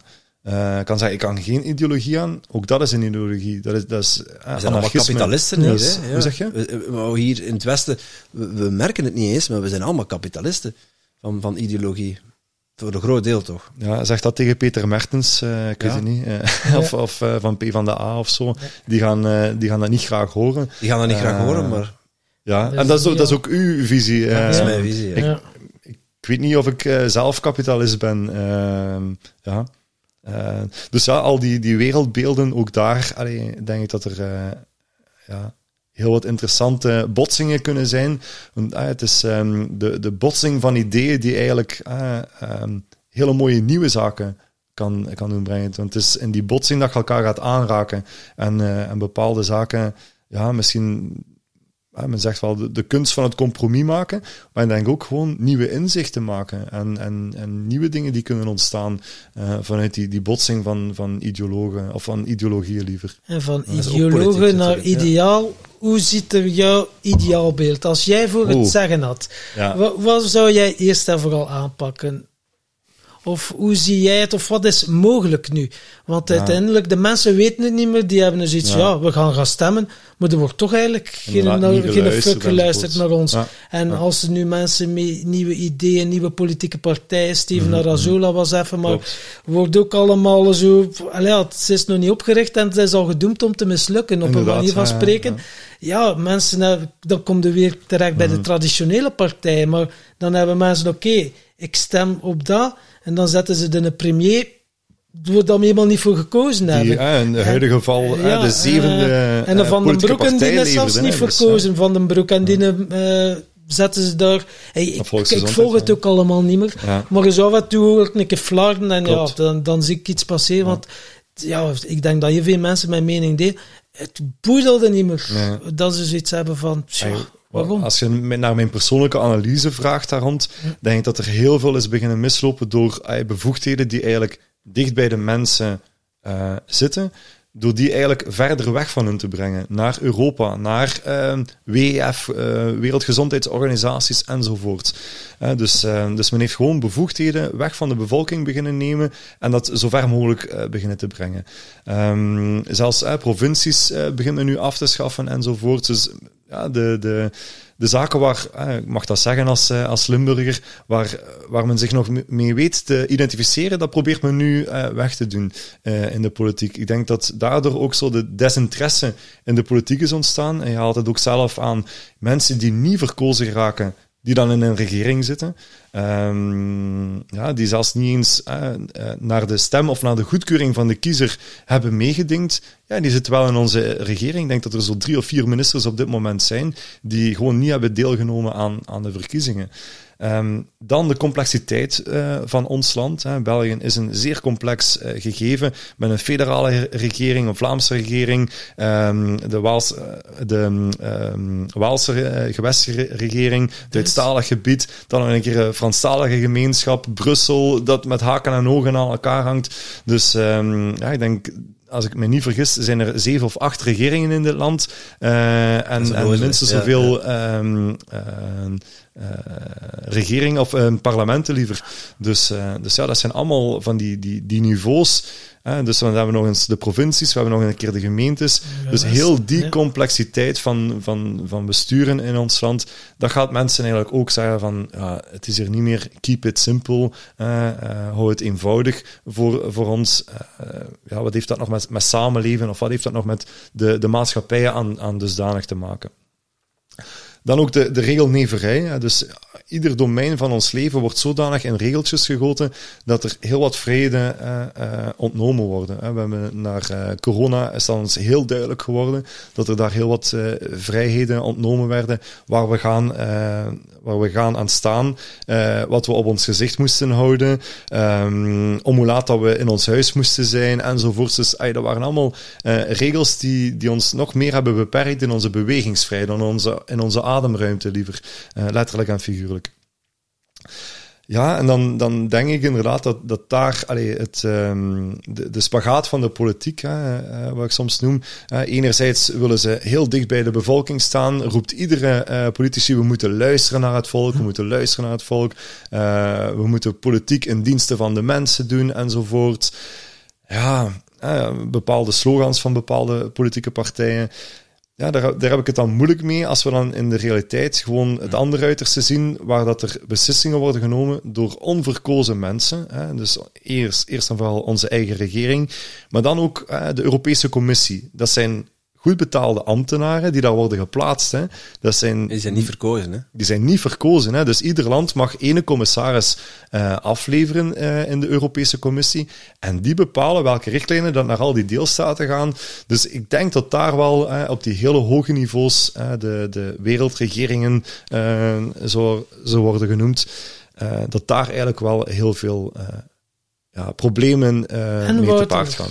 Hoe raken we hieruit? Hoe raken we hieruit? Ik denk door heel veel dingen zelf te gaan doen. Hè? Dus um, uh, zelfvoorzienendheid in uh, energie, in eten uh, enzovoort. Elkaar ook één op één te gaan helpen. Met welke mensen wil ik hier samenleven?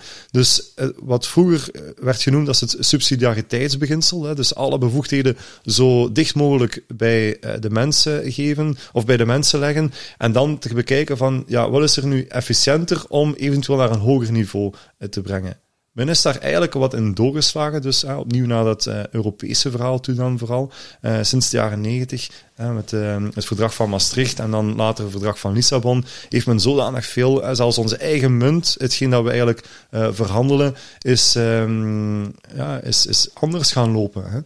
Hè. dus opnieuw daar, probeer zo dicht mogelijk bij onszelf te blijven, bij onszelf als individu, zelfvoorzienend, hè, ook daar weer verantwoordelijkheid nemen voor ons eigen leven en voor de naasten rondom ons. Hoe kunnen we voor elkaar gaan zorgen um, op onze eigen manier.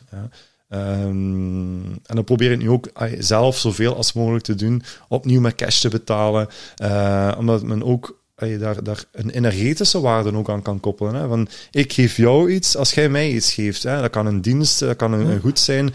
Um, maakt niet uit, maar dat, dat geeft iets anders dan gewoon met een kaartje te betalen. Uw, uw verbinding met elkaar is, is, is wat een stuk lager daarin. Ja, want de grap is ook, mensen beseffen het niet.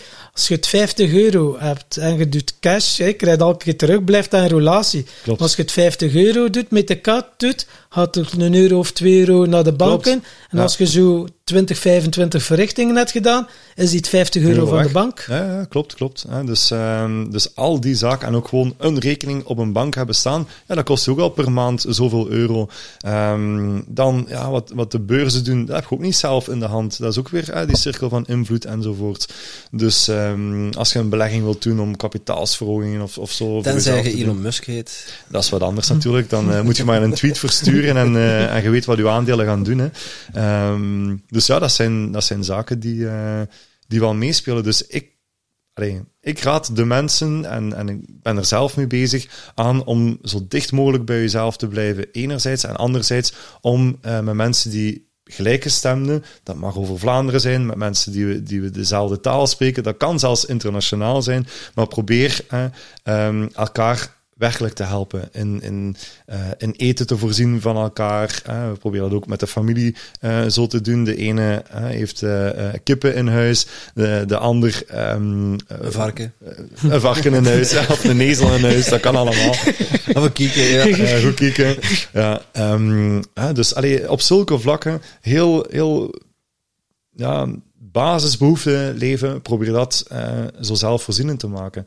Um, en dan denk ik dat we al heel ver uh, gaan staan. Dan gaan we ook veel bewuster uh, omgaan met de zaken. Hè? Dus onze eigen omgeving, ook dat is een heel ja, heftig debat, waar, ik heel veel uh, in de samenleving zie.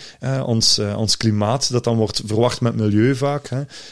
Um, ja, ook daar gaan we dan veel bewuster mee omgaan van hoe is onze uh, omgeving, hoe is onze uh, groene natuur nog enzovoort. Daar ga je daar ook met meer respect uh, naar kunnen kijken volgens mij, als we dat zo dicht mogelijk bij ons houden. Um, hoe dat dan structureel en zo moet zitten, ook daar kun je allee, heel veel over zeggen.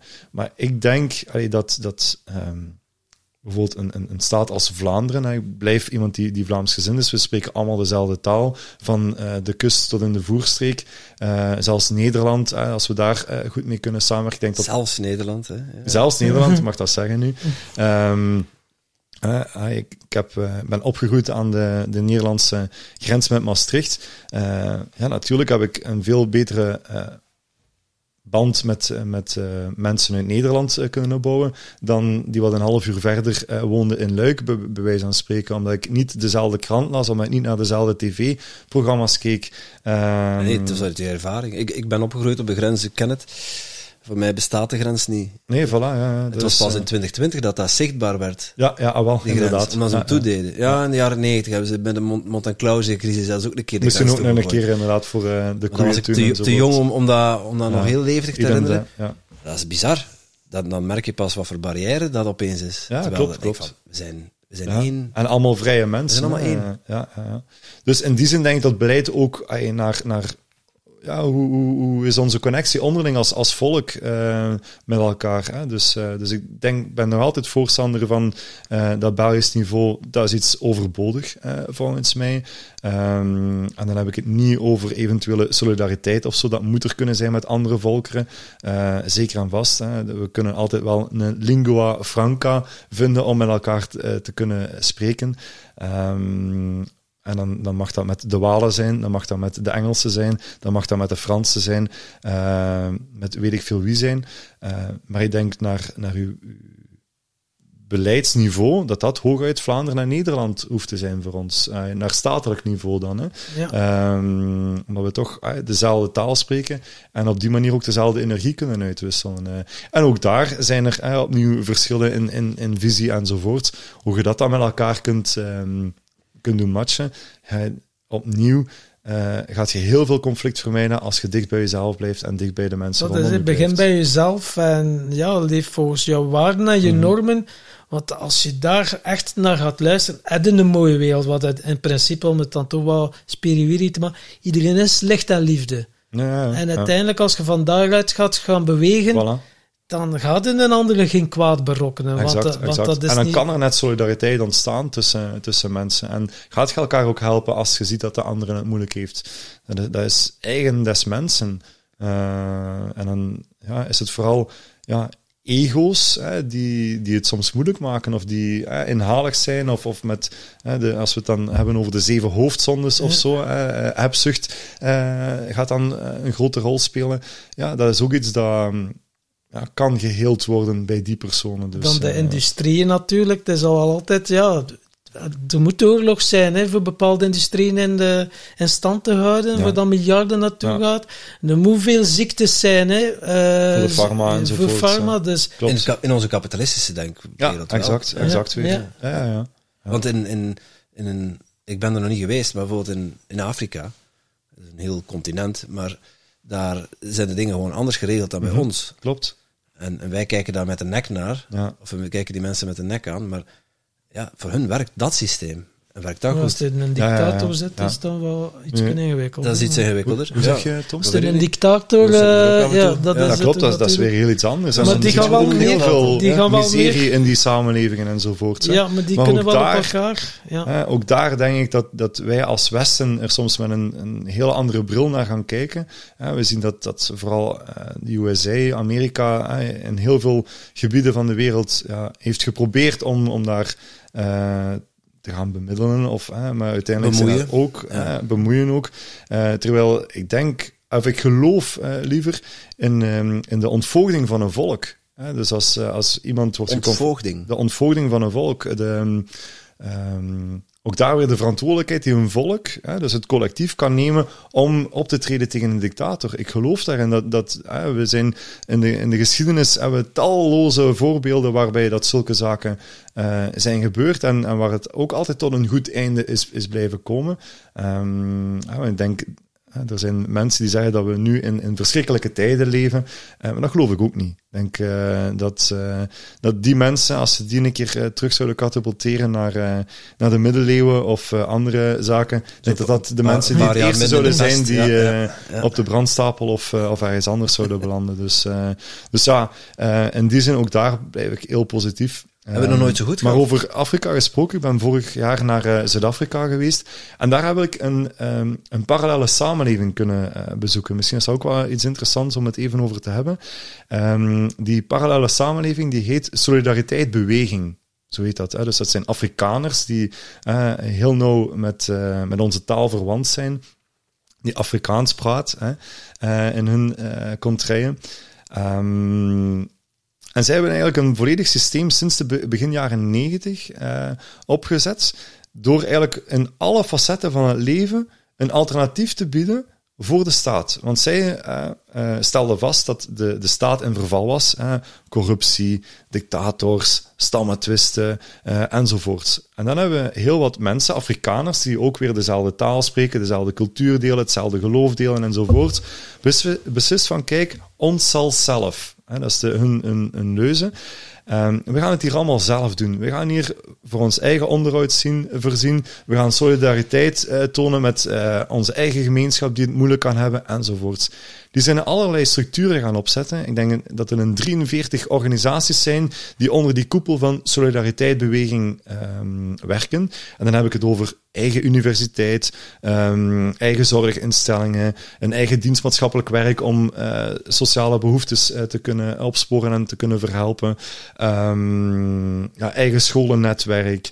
Ehm, noem het op in welk domein van het leven, cultuur, sport. Ze hebben een eigen soort Netflix opgezet, hè, dus voor een cultuur ook te kunnen delen hè, van thuis uit aan een tv. Inmiddels, hè, dus op die, die meer dan 30 jaar tijd intussen, uh, hebben zij 600.000 aangesloten gezinnen.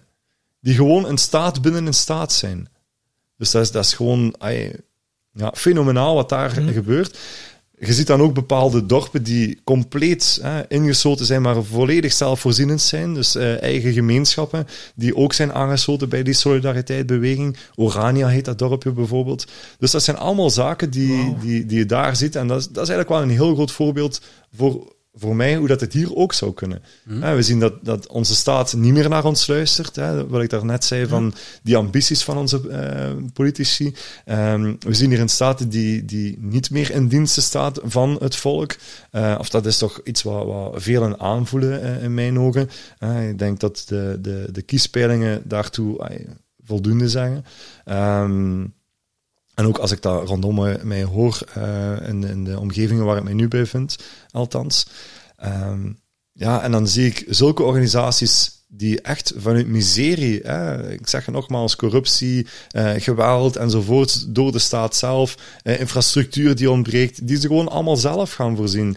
Um, ze hebben ook allee, een, een, een interpersoonlijke vorm van, van ruilen. Dus um, uh, Tom, ik weet niet waar jij precies uh, heel goed in bent om met je handen te werken of zo. jij vraagt u ook misschien. ja, ja, ja, maar uh, stel nu, jij kunt, jij kunt heel goed brood bakken. Um, en um, ik kan heel goed de afwas doen, bijvoorbeeld. en jij doet dat totaal niet graag. Ik trek het nu wel op flessen. Hè? Jij bakt voor mij een brood, maar ik kom bij u smiddags zijn afwas doen. Zulke zaken. de win-win, hè? Dat vind ik zo ja, mooi. Het gaat er wel iets anders. Hè. Het zijn dan ja. diensten die uitgewisseld worden. Maar ik wil maar zeggen, in die mate van, van solidariteit wordt er daar uh, geholpen ook elkaar. Um, mensen die, die niet meer zelfvoorzienend kunnen zijn, worden daar geholpen door de gemeenschap. Uh, en allemaal vanuit vrijwillige basis. Hè. Dus niemand uh, voelt zich daar verplicht om die solidariteit te gaan uh, doen ook hier, hè, solidariteit wordt hier meestal opgedrongen. Um, hè, onze sociale zekerheid moet er vanavond een gastcollege over gaan geven aan de Universiteit van Antwerpen. Wel, dat zijn allemaal zaken die, uh, die meespelen op dat moment. Uh, en hoe dat je samenleving uh, nog, nog een bepaalde cohesie kan hebben. Zeg jij nu ook zo'n beetje, het is hier voor hier naartoe te kunnen bewegen. Het is hier, we hebben het hier nog te goed, het is hier nog niet erg genoeg. Ja, ja denk het wel. Ik denk dat uh, heel veel mensen in actie zijn geschoten toen dat hun vrijheid ontnomen werd in de coronamaatregelen. Uh, achteraf is gebleken dat dat ja, disproportioneel uh, was. Um, dus ik denk inderdaad dat we het hier... Die maatregelen of, of wat die mensen gedaan hebben? Wat bedoel de maatregelen? Of, of er zijn heel veel mensen in de actie geschoten? Ja, ja, dus heel veel mensen die in actie zijn geschoten door de maatregelen. Ja. ja dus die ja, wel initiatieven zijn gaan opzetten. Ja. dus we hebben uh, het verbindend vuur is daar één ding van. Hè? Maar hoeveel organisaties zijn er toen niet ontstaan in die periode? Uh, die Open eigen up, lezingen uh, gingen organiseren, eigen vijfjes gingen organiseren, um, eigen workshops gingen organiseren enzovoort. Dus dat zijn heel mooie initiatieven. Uh, waar men nu nog eigenlijk allemaal heel verspreid in verspreide slagorde uh, te werk gaat, is dat ook iets. Hè? Dus, uh, en dan is Terra Futura ontstaan om eigenlijk al die zaken te kunnen um, ja, bundelen. Is op dit moment nog niet echt gelukt. wie weet wat de toekomst zal brengen. Maar ja, kijk, ik denk dat daar nog een, een, een lange weg te gaan is voor ons om, om dat soort samenlevingsmodel ook te kunnen opzetten. Ja, om daar ook ay, de nodige investeringen in te kunnen doen, qua tijd, middelen, geld enzovoort. Dus um, ja. Uh, dus, maar ik zie het alleszins heel positief naar de toekomst toe. Ik denk, uh, excuseer, dat, uh, ja, dat er wel nog zaken op ons af uh, zullen komen hoor. Uh, corona Ja. is niet het eerste en het enigste Die geweest. camera's zijn niet voor niks geplaatst. Alle camera's. geplaatst. Dus met de Eh, avondklok, dan ze er al die camera's hebben geplaatst, Klopt. er zit nog iets achter. eh, Ja, voor, dan heel de discussies die nu ook weer op Europees niveau doorgaan over de CBDC, de, de digitale euro, digitale paspoort. Ik hou mijn hart vast wat dat nog allemaal gaat met zich meebrengen. Hoe gaan ze dat gaan invoeren plots? Hè? Als je zoveel cash in omloop hebt, ehm, ja, waarom doen men al die initiatieven om cash zoveel mogelijk ja, uit de samenleving eh, te bannen? Ehm, dus ja, als men alles gaat beginnen controleren, dan denk ik inderdaad wel dat er eh, ja, initiatieven als een soort parallele samenleving Ja. gaan kunnen ontstaan tussen gelijkgestemden. Is dat iets wat volgens jou kan werken in België? Zo'n parallel samenleving? Zeker aan vast. Zeker aan vast. Ik denk, ehm, als het eh, eh, eh, allee, ook in Afrika kan lukken, kan het bij ons ook lukken. Mm. Eh, ik denk dat we de technologie, de know-how, de, eh, de kennis, ehm, de, hoe moet ik het zeggen, de, de- het netwerk aan gelijkgestemden is ook groot genoeg, eh, met, de, met daar ook alle skills in om zoiets te kunnen opzetten. Eh, en er zijn initiatieven al, al lopen. Hè. Ik denk aan Vrijland. ehm, en dan eh, zijn er nog een aantal. Open Up heb je ook Ehm, eens iets. open up en zo, maar dat, is- dat is een misschien iets minder de Ja. echte parallele samenleving. Maar eh, er zijn heel veel initiatieven gaande om zoiets eh, te ontwikkelen of om daar al, al rond na te denken. Society 4.0 eh, met Bob de Wit. Ehm, al die initiatieven die daar nu rondlopen. Ik denk dat, dat, eh, ja, dat daar wel echt toekomst eh, in zit momenteel. Ja, wij vullen dat ook. In, in die zin, dat wij doen gewoon ons ding, los van eender welke samenleving. Eh, we hebben het hier te doen, dus we doen het met, Klopt. met de dingen die we hier kunnen doen, mogen Ja. doen. Eh, maar ik merk wel dat bepaalde dingen ook gewoon worden tegengewerkt. En, en, eh, Zoals? naar bepaalde bewegingen. Mhm. Hè, dus dus eh, kritische, kritische geluiden. Hè, We hebben, een, we hebben een open medialandschap, denken we. iedereen mag, uiten, mag zijn mening uiten, iedereen mag zeggen wat hij wilt. Maar ja, als het dan te spannend wordt, dan worden toch bepaalde Ja, poppetjes vervangen en wordt er iemand anders gezegd, Ja. gezet, neergezet die wel predikt wat er gepredikt mag worden. Klopt. Kijk naar Rick bijvoorbeeld, hè, een oud rector, die nu geen columns meer mag schrijven aan de standaard. Ja. Dat is ook hallucinant. Bizar. Ja. Dat is de cancel culture, de woke culture waar we nu in zitten. Ja. En eh, aan de andere kant zie ik ook wel heel veel mogelijkheden. Dingen die vroeger niet mogelijk waren. En wij zitten nu met z'n drieën vrij te praten. Er is niemand die ons controleert. Er is niemand die zegt tegen ons wat wij wel of niet mogen zeggen. Er is ook niemand die ooit al tegen ons gezegd heeft van je mocht dat niet online zetten of je moet dat offline halen. Ik denk- Als we nog niet groot, eh, als we groot genoeg zijn, eh, Dan zou dat misschien wel iets anders kunnen. wel, eh, Als we kijken naar. Steven Arazola, eh Joran Luca, hè, dat die eh, ja, bepaalde afleveringen op, op, YouTube gewoon verwijderd werden. Ja. Gewoon, Ja, dat gewoon gecanceld. dus. Big Tech is ook een van die controleorganismen. Hè? Absoluut waar. Dus als je daar, daar als je sta je me echt de vraag, men levert een platform. Hè. Facebook maakt er zelf ook gebruik van. Hè. Ehm, maar ja, je moet daar toch op letten wat dat je doet. Dan hun algoritme. Ehm, ik organiseer op 3 mei een, een, een event met eh Assim Malhotra, een, een, een Britse cardioloog, intussen wereldberoemd, die eh, eerst pro-pro-pro vaccinaties eh, geven was eh, in het kader van de coronavaccins. Eh, dan zijn vader heeft verloren aan een bijwerking van een vaccin. Hij is verder op onderzoek gegaan, heeft een eigen autopsie, autopsie laten uitvoeren op zijn vader en heeft duidelijk kunnen aantonen dat is een, door een bijwerking van de vaccins. Hij is verder op onderzoek gegaan. En sindsdien ehm, is hij zeer, zeer kritisch ten opzichte van mRNA-vaccins. Ja. Ehm, puur omwille van zijn kritiek nu. Want voor de rest heeft hij een hele grote boodschap over hoe kunnen wij eh, ons leven inrichten en, en hoe kunnen wij zo gezond mogelijk voor ons hart leven. Hè? Dus welke eh, initiatieven kunnen we zelf nemen, welke voeding kunnen we eten enzovoort. Dus allemaal heel wetenschappelijk onderbouwd. Maar omdat hij kritisch is, ja, zien wij in de algoritmes van, van Facebook dat die post gewoon weggefilterd worden ten opzichte van andere, meer banale post, triviale zaken. Hè, ehm, oh, ik ga de hond uitlaten, bij wijze van spreken, heeft meer likes en meer views dan ehm, zulke inhoudelijke events die dan eh, kunnen, gepromoot, ge- kunnen gepromoot worden. Ehm, en dat zien we nog bij andere zaken ook, dat, dat al die zaken ofwel ja, een Facebook-ban opleveren als je je mening hebt geuit. Ehm, filmpjes die verwijderd worden eh, omdat je je mening hebt geuit. Dus al die zaken, daar hou ik wel mijn hart nog voor vast. Ja, eh, ja. Welke impact dat dat heeft. Want zo is het wel, ehm, of op die manier liever, ja, is het zo dat heel veel mensen niet aan bepaalde informatie kunnen geraken. Mensen die gewoon eh, dagdagelijks naar de VTM of naar VRT kijken, die krijgen ook maar dat voorgeschoteld en die kunnen hun blik niet verruimen. Uh, en daarmee ben ik zo dankbaar ah, dat jullie er zijn, dat Jochen Luca er is, dat, dat Steven Arazola er is met eh, interessante um, podcasts rond persoonlijke ontwikkeling, rond informatie verspreiden die ergens anders niet aan bod komt. Maar als zij ook gecanceld worden door Big Tech, uh, stel nu dat Google zegt van ja, we, we gaan hen niet meer in zoekresultaten laten komen, ja, dan zijn we gescharreld, gelijk dat we zeggen. Hè. Dus um, ja, ik denk dat dat heel belangrijk uh, blijft, dat we blijven spreken, dat we blijven uh, een mening hebben. Hè? Ook al is dat niet de juiste mening, of ook al is dat niet de mening van, van de mainstream of van de meerderheid. Nee, blijft die minderheid uh, wel zijn. Want alle verandering, maatschappelijk gezien of politiek gezien, komt vanuit een minderheid. Hè? Dus er is nog nooit een, een meerderheid die voor verandering heeft gezorgd.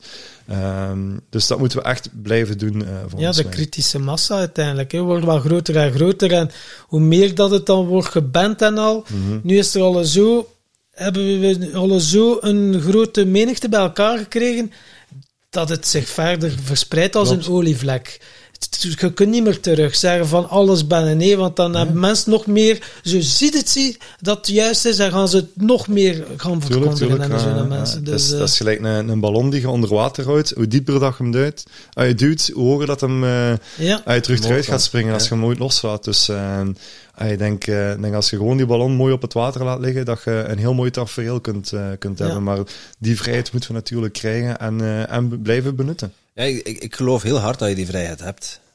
Uh, ook al word je tegengewerkt of word je... Klopt. Ja. ja. Ja, het is hier nu niet ik, iemand ik, die mensen, ons niet staat af te luisteren en ze komen nee, binnen. Wel, ja, wel. Ja. En uh, er zijn bepaalde perioden geweest, in, zelfs waar we nu zitten, uh, zijn bepaalde perioden geweest waar je, waar je op je echt niet mocht schrijven, mocht zeggen of mocht doen wat je, wat je vrijelijk dacht. Klopt. Ja. Dat je dan de brandstapel werd gegooid. Ja, ja exact. exact. Uh, dus daarmee, uh, dat ik daar straks ook zei, van, we hebben uh, iemand die zei van ja, we leven in erge tijden. Uh, ik denk dat dat al bij al nog meevalt als je ja. het inderdaad zo weer weet te relativeren.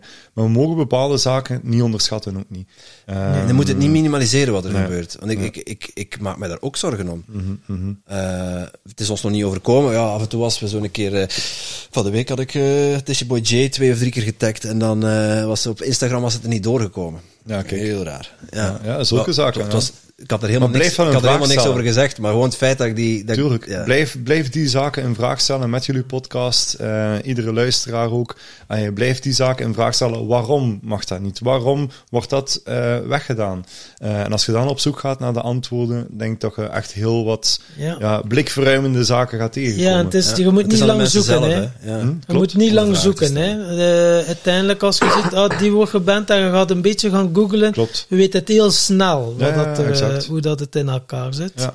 Ja, want het is, het is naïef om te denken van, ja, maar hè, de mainstream media die geven maar dit weer van het kader en het spectrum is veel breder. Mm -hmm. ja, maar je moet wel willen kijken naar een ander spectrum.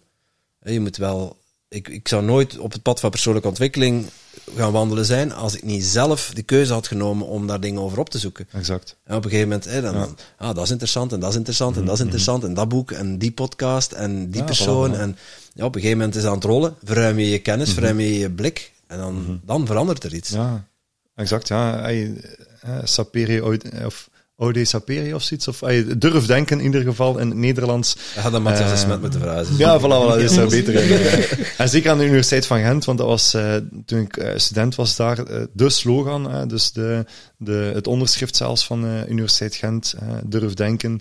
ik denk dat dat ook heel belangrijk is in, in die weg naar, naar persoonlijke groei. Um, durf niet alleen denken, want dan zitten we in ons hoofd, maar durf ook voelen van uh, om dicht bij ons hart. Jullie hebben daar een heel mooi programma rondgemaakt van de, de weg van 37,5 centimeter ja. naar beneden.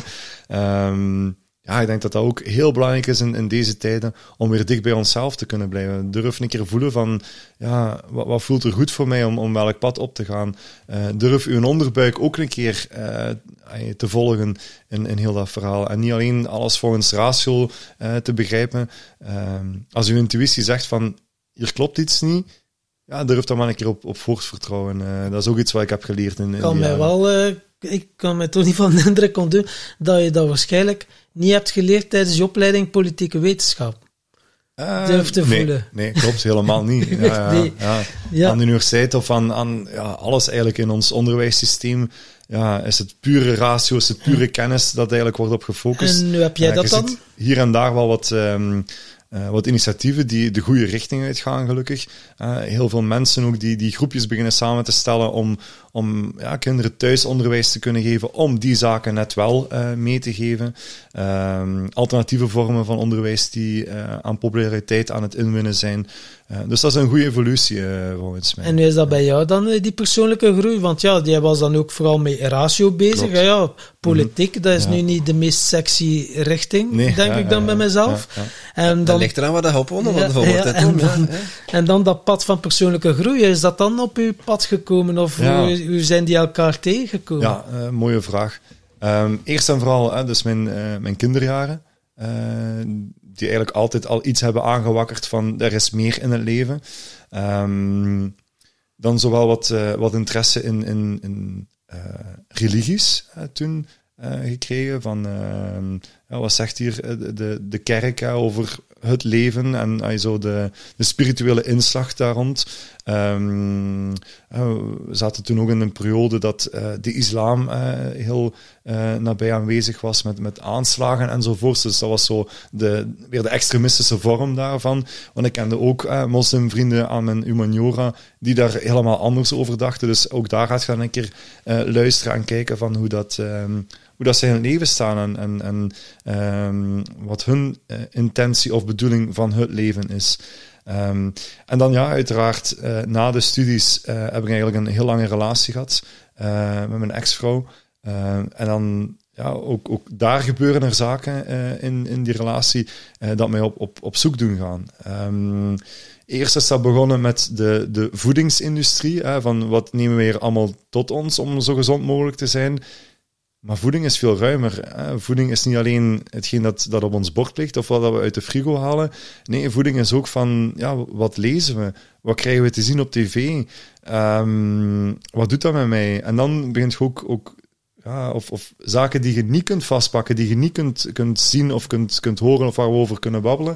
Dat zijn zaken die, die je zesde zintuig aanraken, die, ja, die je een raar gevoel doen geven. Uh, ik voel me nu heel op mijn gemak bij jullie. Maar misschien zet hier iemand anders en ik zou misschien ay, wat zenuwachtiger zijn. Ik zou misschien wat meer uh, allee, op mijn hoede zijn over wat dat ik zeg. Uh, ook al heb ik geen taboes. Ik ga dan wel allee, voorzichtiger misschien zijn. En dat zijn zaken die je niet tastbaar kunt maken. Uh, en als je daarvan een keer bewust bent en je hoort daar zaken op heel dat pad, want dat is iets van, van jaren verre uiteindelijk, hè, dat je die ervaring moet opdoen. Zo is dat bij mij gekomen. Ja, ik zeg het eigenlijk heel gaandeweg. Uh, dat is gekomen. Dat is niet, en zoals ik bijvoorbeeld met veel vrienden nu spreek, uh, sinds corona dat er zo een frang is gevallen. Nee, dat is ook al gaandeweg uh, geweest. Want bijvoorbeeld begin van coronatijd, um, ja, uiteraard zit je dan heel voorzichtig van wat komt er hier op ons af. Je hoort wel zo dingen via Facebook en zo. Want zoals je ziet, ik heb er geen tv. Ik, kijk ook nooit naar tv. Uh, geen nieuws, uh, geen radio niet meer in de auto. Uh, ik probeer me zo min mogelijk met de, de mainstream te voeden. Um, en dan ja, komt er zo van alles op je af. Je hoort die, die maatregelen wat ze nemen. Twee weken lockdown. Ah, amai. Uh, ah, er is een virus. Je begint daar wat over op te zoeken. Oeh ja, ik ga hier toch wel voorzichtig zijn, want ik ken het niet. Ik weet niet wat er hier gebeurt. Ja, dan heb ik ook nog met mijn elleboog de klinken opengemaakt. Uh, ja. En uh, volledig thuis gebleven en, en mijn elleboog liggen niezen enzovoort. Maar als er dan berichten binnen, beginnen binnenkomen van... Um, ja, oma en opa liggen op sterven. We mogen niet meer afscheid gaan nemen. Uh, ja, waarom niet? Allee, zulke zaken. Dus, en dan de avondklok uh, is dan anders geweest in Vlaanderen als in Wallonië als in Brussel. Alsof dat virus allee, weet van... Natuurlijk. Op, op welk moment moet ik er toestaan? Nederland, bij mijn ouders, lag dan vlak over de grens. Alsof de ene kant van de Maas het virus dat, het gevaarlijker virus was. schadelijker. Hè? Ja, ja, dan aan onze kant. die regels hebben mij zoiets ja, gemaakt van... Hier klopt iets niet. Van als er een, een, echt gevaarlijk virus is, ja, dan... en ook in mijn omgeving, ik zag geen Um, geen concrete gevallen daarvan. Nu goed, ik, ah, ik hoorde de cijfers van de media gerust geloven. Uh, maar mijn argwaan ten opzichte van het systeem, dat was er al. Dus, uh, en dan eigenlijk na die eerste 14 dagen um, ja, ben ik zo zaken beginnen inzien daarvan. En uh, ja, uh, dan ook met, rond de mondmaskers en zo in de, de zomer daarna, dat het discours plots helemaal verandert. Hè. Uh, Mark Varans, die in zijn eigen stijl, um, die duidelijk niet de mijne is, um, mensen eigenlijk ja, veroordeelden of beoordeelden van, ja, je begrijpt dat toch niet dat mensen nu een mondmasker dragen. Uh, dat helpt zelfs niet, zegt hem letterlijk op tv live. Uh, en dan eigenlijk volledig 180 graden draait. Uh, ja. En mondmaskers bijna gaat promoten. En in een tv-studio misschien met drie mondmaskers boven elkaar gaat zitten, bewijzen van, van statement. Ja, dan heb ik daar toch wel mijn, mijn vragen bij over hoe dat het systeem of hoe dat onze overheid. Wat ik vooral, mij vooral herinner is, ik denk dat minister Geens was of zo, die mondmasker ja, ja, was op zijn, op zijn kop. Ja, ja, ja, oh, dat vond ik fantastisch. dat vind ik dat wel humor. Ja, ja inderdaad, dat, is, dat is goede humor. Daar kun je mooie memes van maken en zo. Dat klopt. Um, dus ja, gaandeweg, uiteraard word je dan weer bewust van, ah ja, het... Uh, het spelletje of het circus blijft gewoon doorgaan. Alleen is het nu veel groter en veel meer uitvergroot dan uh, de, de kleine achterkamertjes van de politiek waar er uh, zaken bedisseld worden. Um, ja, en dan... Um, ja, ook daar zit je dan weer met persoonlijke groei. Hè? Dan je krijgt ook de tijd door al die lockdowns om een keer ja. tot reflectie te komen. En zo heb ik dat ook wel bij, bij vele vrienden van vandaag zien ontstaan, inderdaad. Ja, dat is uh, mooi. Ja, wat, het is persoonlijke groei. is ook zo allesomvattend. Hè. Je kunt van plantmedicijnen, zweethutceremonies, maar ook gewoon seminars volgen. Gewoon, of, of, of zelfreflecties. Of, gewoon, of op een kussen. Niks doen, niks doen. Op bankje zitten naar buiten kijken. Ja. Ja, ja, klopt, klopt, klopt. Dus ja, mensen denken, wow, persoonlijke ja. groei. Oh. Maar ja, heel veel mensen zijn bang ja, wat gaat het dan allemaal aanraken? Voilà, voilà. En dat is dan zo, wow, dat ja. mag niet naar boven komen. Ja, klopt, dat wil klopt, ik niet voelen. Want jij vertelde nog in de voorbespreking dat je ook al een tijdje bezig bent met mannenwerk. Klopt. Ja, veel, voor veel luisteraars, mannenwerk, die denken dan misschien is dat ja, modellenwerk. Voor de luisteraars, die moeten nu even... Ja, ja, is, dat, is dat iets of ander modellenwerk of op dingen? Ja, die, eh, dat is gewoon het gras afrijden. Gewoon het gras. Nee, nee. Handen en knieën. Um, met de schouder. Nee. Um, ja, mannenwerk, dat is inderdaad niet, niet hetgeen dat uh, uh, misschien bij velen wat, wat uh, tot de verbeelding spreekt. van de vuilniszakken buiten zetten, ja. of het gras afdoen, of de klusjes in huis enzovoort. het typische taken in een huishouden voor een man. Nee, ik heb er ook een aantal jaar alleen gewoond. Ik heb ook alles moeten doen. Dus, dus nee, nee, daar draait het zeker niet rond. Um, mannenwerk, um, hoe ben ik daarbij terechtgekomen? Um, eigenlijk via een advertentie op Facebook. Um, ik was uh, al eerder fan van uh, Wouter Torfs. Uh, eigenlijk een heel groot uh, voorbeeld op, op bedrijfsmatig uh, vlak, hoe dat hij ook in het leven staat. Ook dat is een van de boeken die ik heb, Werken met hart en ziel. We hebben hem met de podcast gehad. We hebben ook in de podcast Ook al een podcast? Ja, ah, kijk, die hebben we nog niet beluisterd. Ja, ja, ja, ja, in de beginfase zelfs, ja. en dankzij Wouter voilà. Torfs is Dirk Colibrand op ons pad gekomen. Ah, voilà, dus voilà, dat is dan algemeen van leven, enfin, lang ja, verhaal. Maar... Nee, dus Wouter Torfs is een van mijn eerste inspirators geweest um, naar hoe dat ik maatschappelijk ook in het leven kon staan, uh, vanuit kwetsbaarheid uh, kunnen verbinden enzovoort. Uh, zaken doen ook, dus of uw werk beleven daar rond ook. Dus dat zijn toch wel zaken die, die, die hebben meegespeeld daarin. Um, maar doordat ik hem volgde, kreeg ik bijvoorbeeld een, een advertentie rond um, mannencirkels. Mm. Wat is dat hier? Hè? Een keer op, op verder geklikt. En nu blijkt dat het uh, een initiatief was van uh, Tom van der Kroon en uh, Jelle Dulster. Um, en Jelle Dulster is een, intussen een goede vriend, en een hele goede vriend trouwens, geworden. Jelle is iemand die IT'er was en Tom die was al, jullie kennen hem ook, ja. um, al heel lang bezig met wat men noemt mannenwerk. Dus ja, mannencirkels. Ja ik verder geklikt, bleek dat dus eigenlijk een, er een, een beweging is, en zo heb ik ook vrouwenwerk, hè, uh, dat ja, aan, aan uh, persoonlijke groei doet, uh, maar enkel mannen onderling en vrouwen onderling.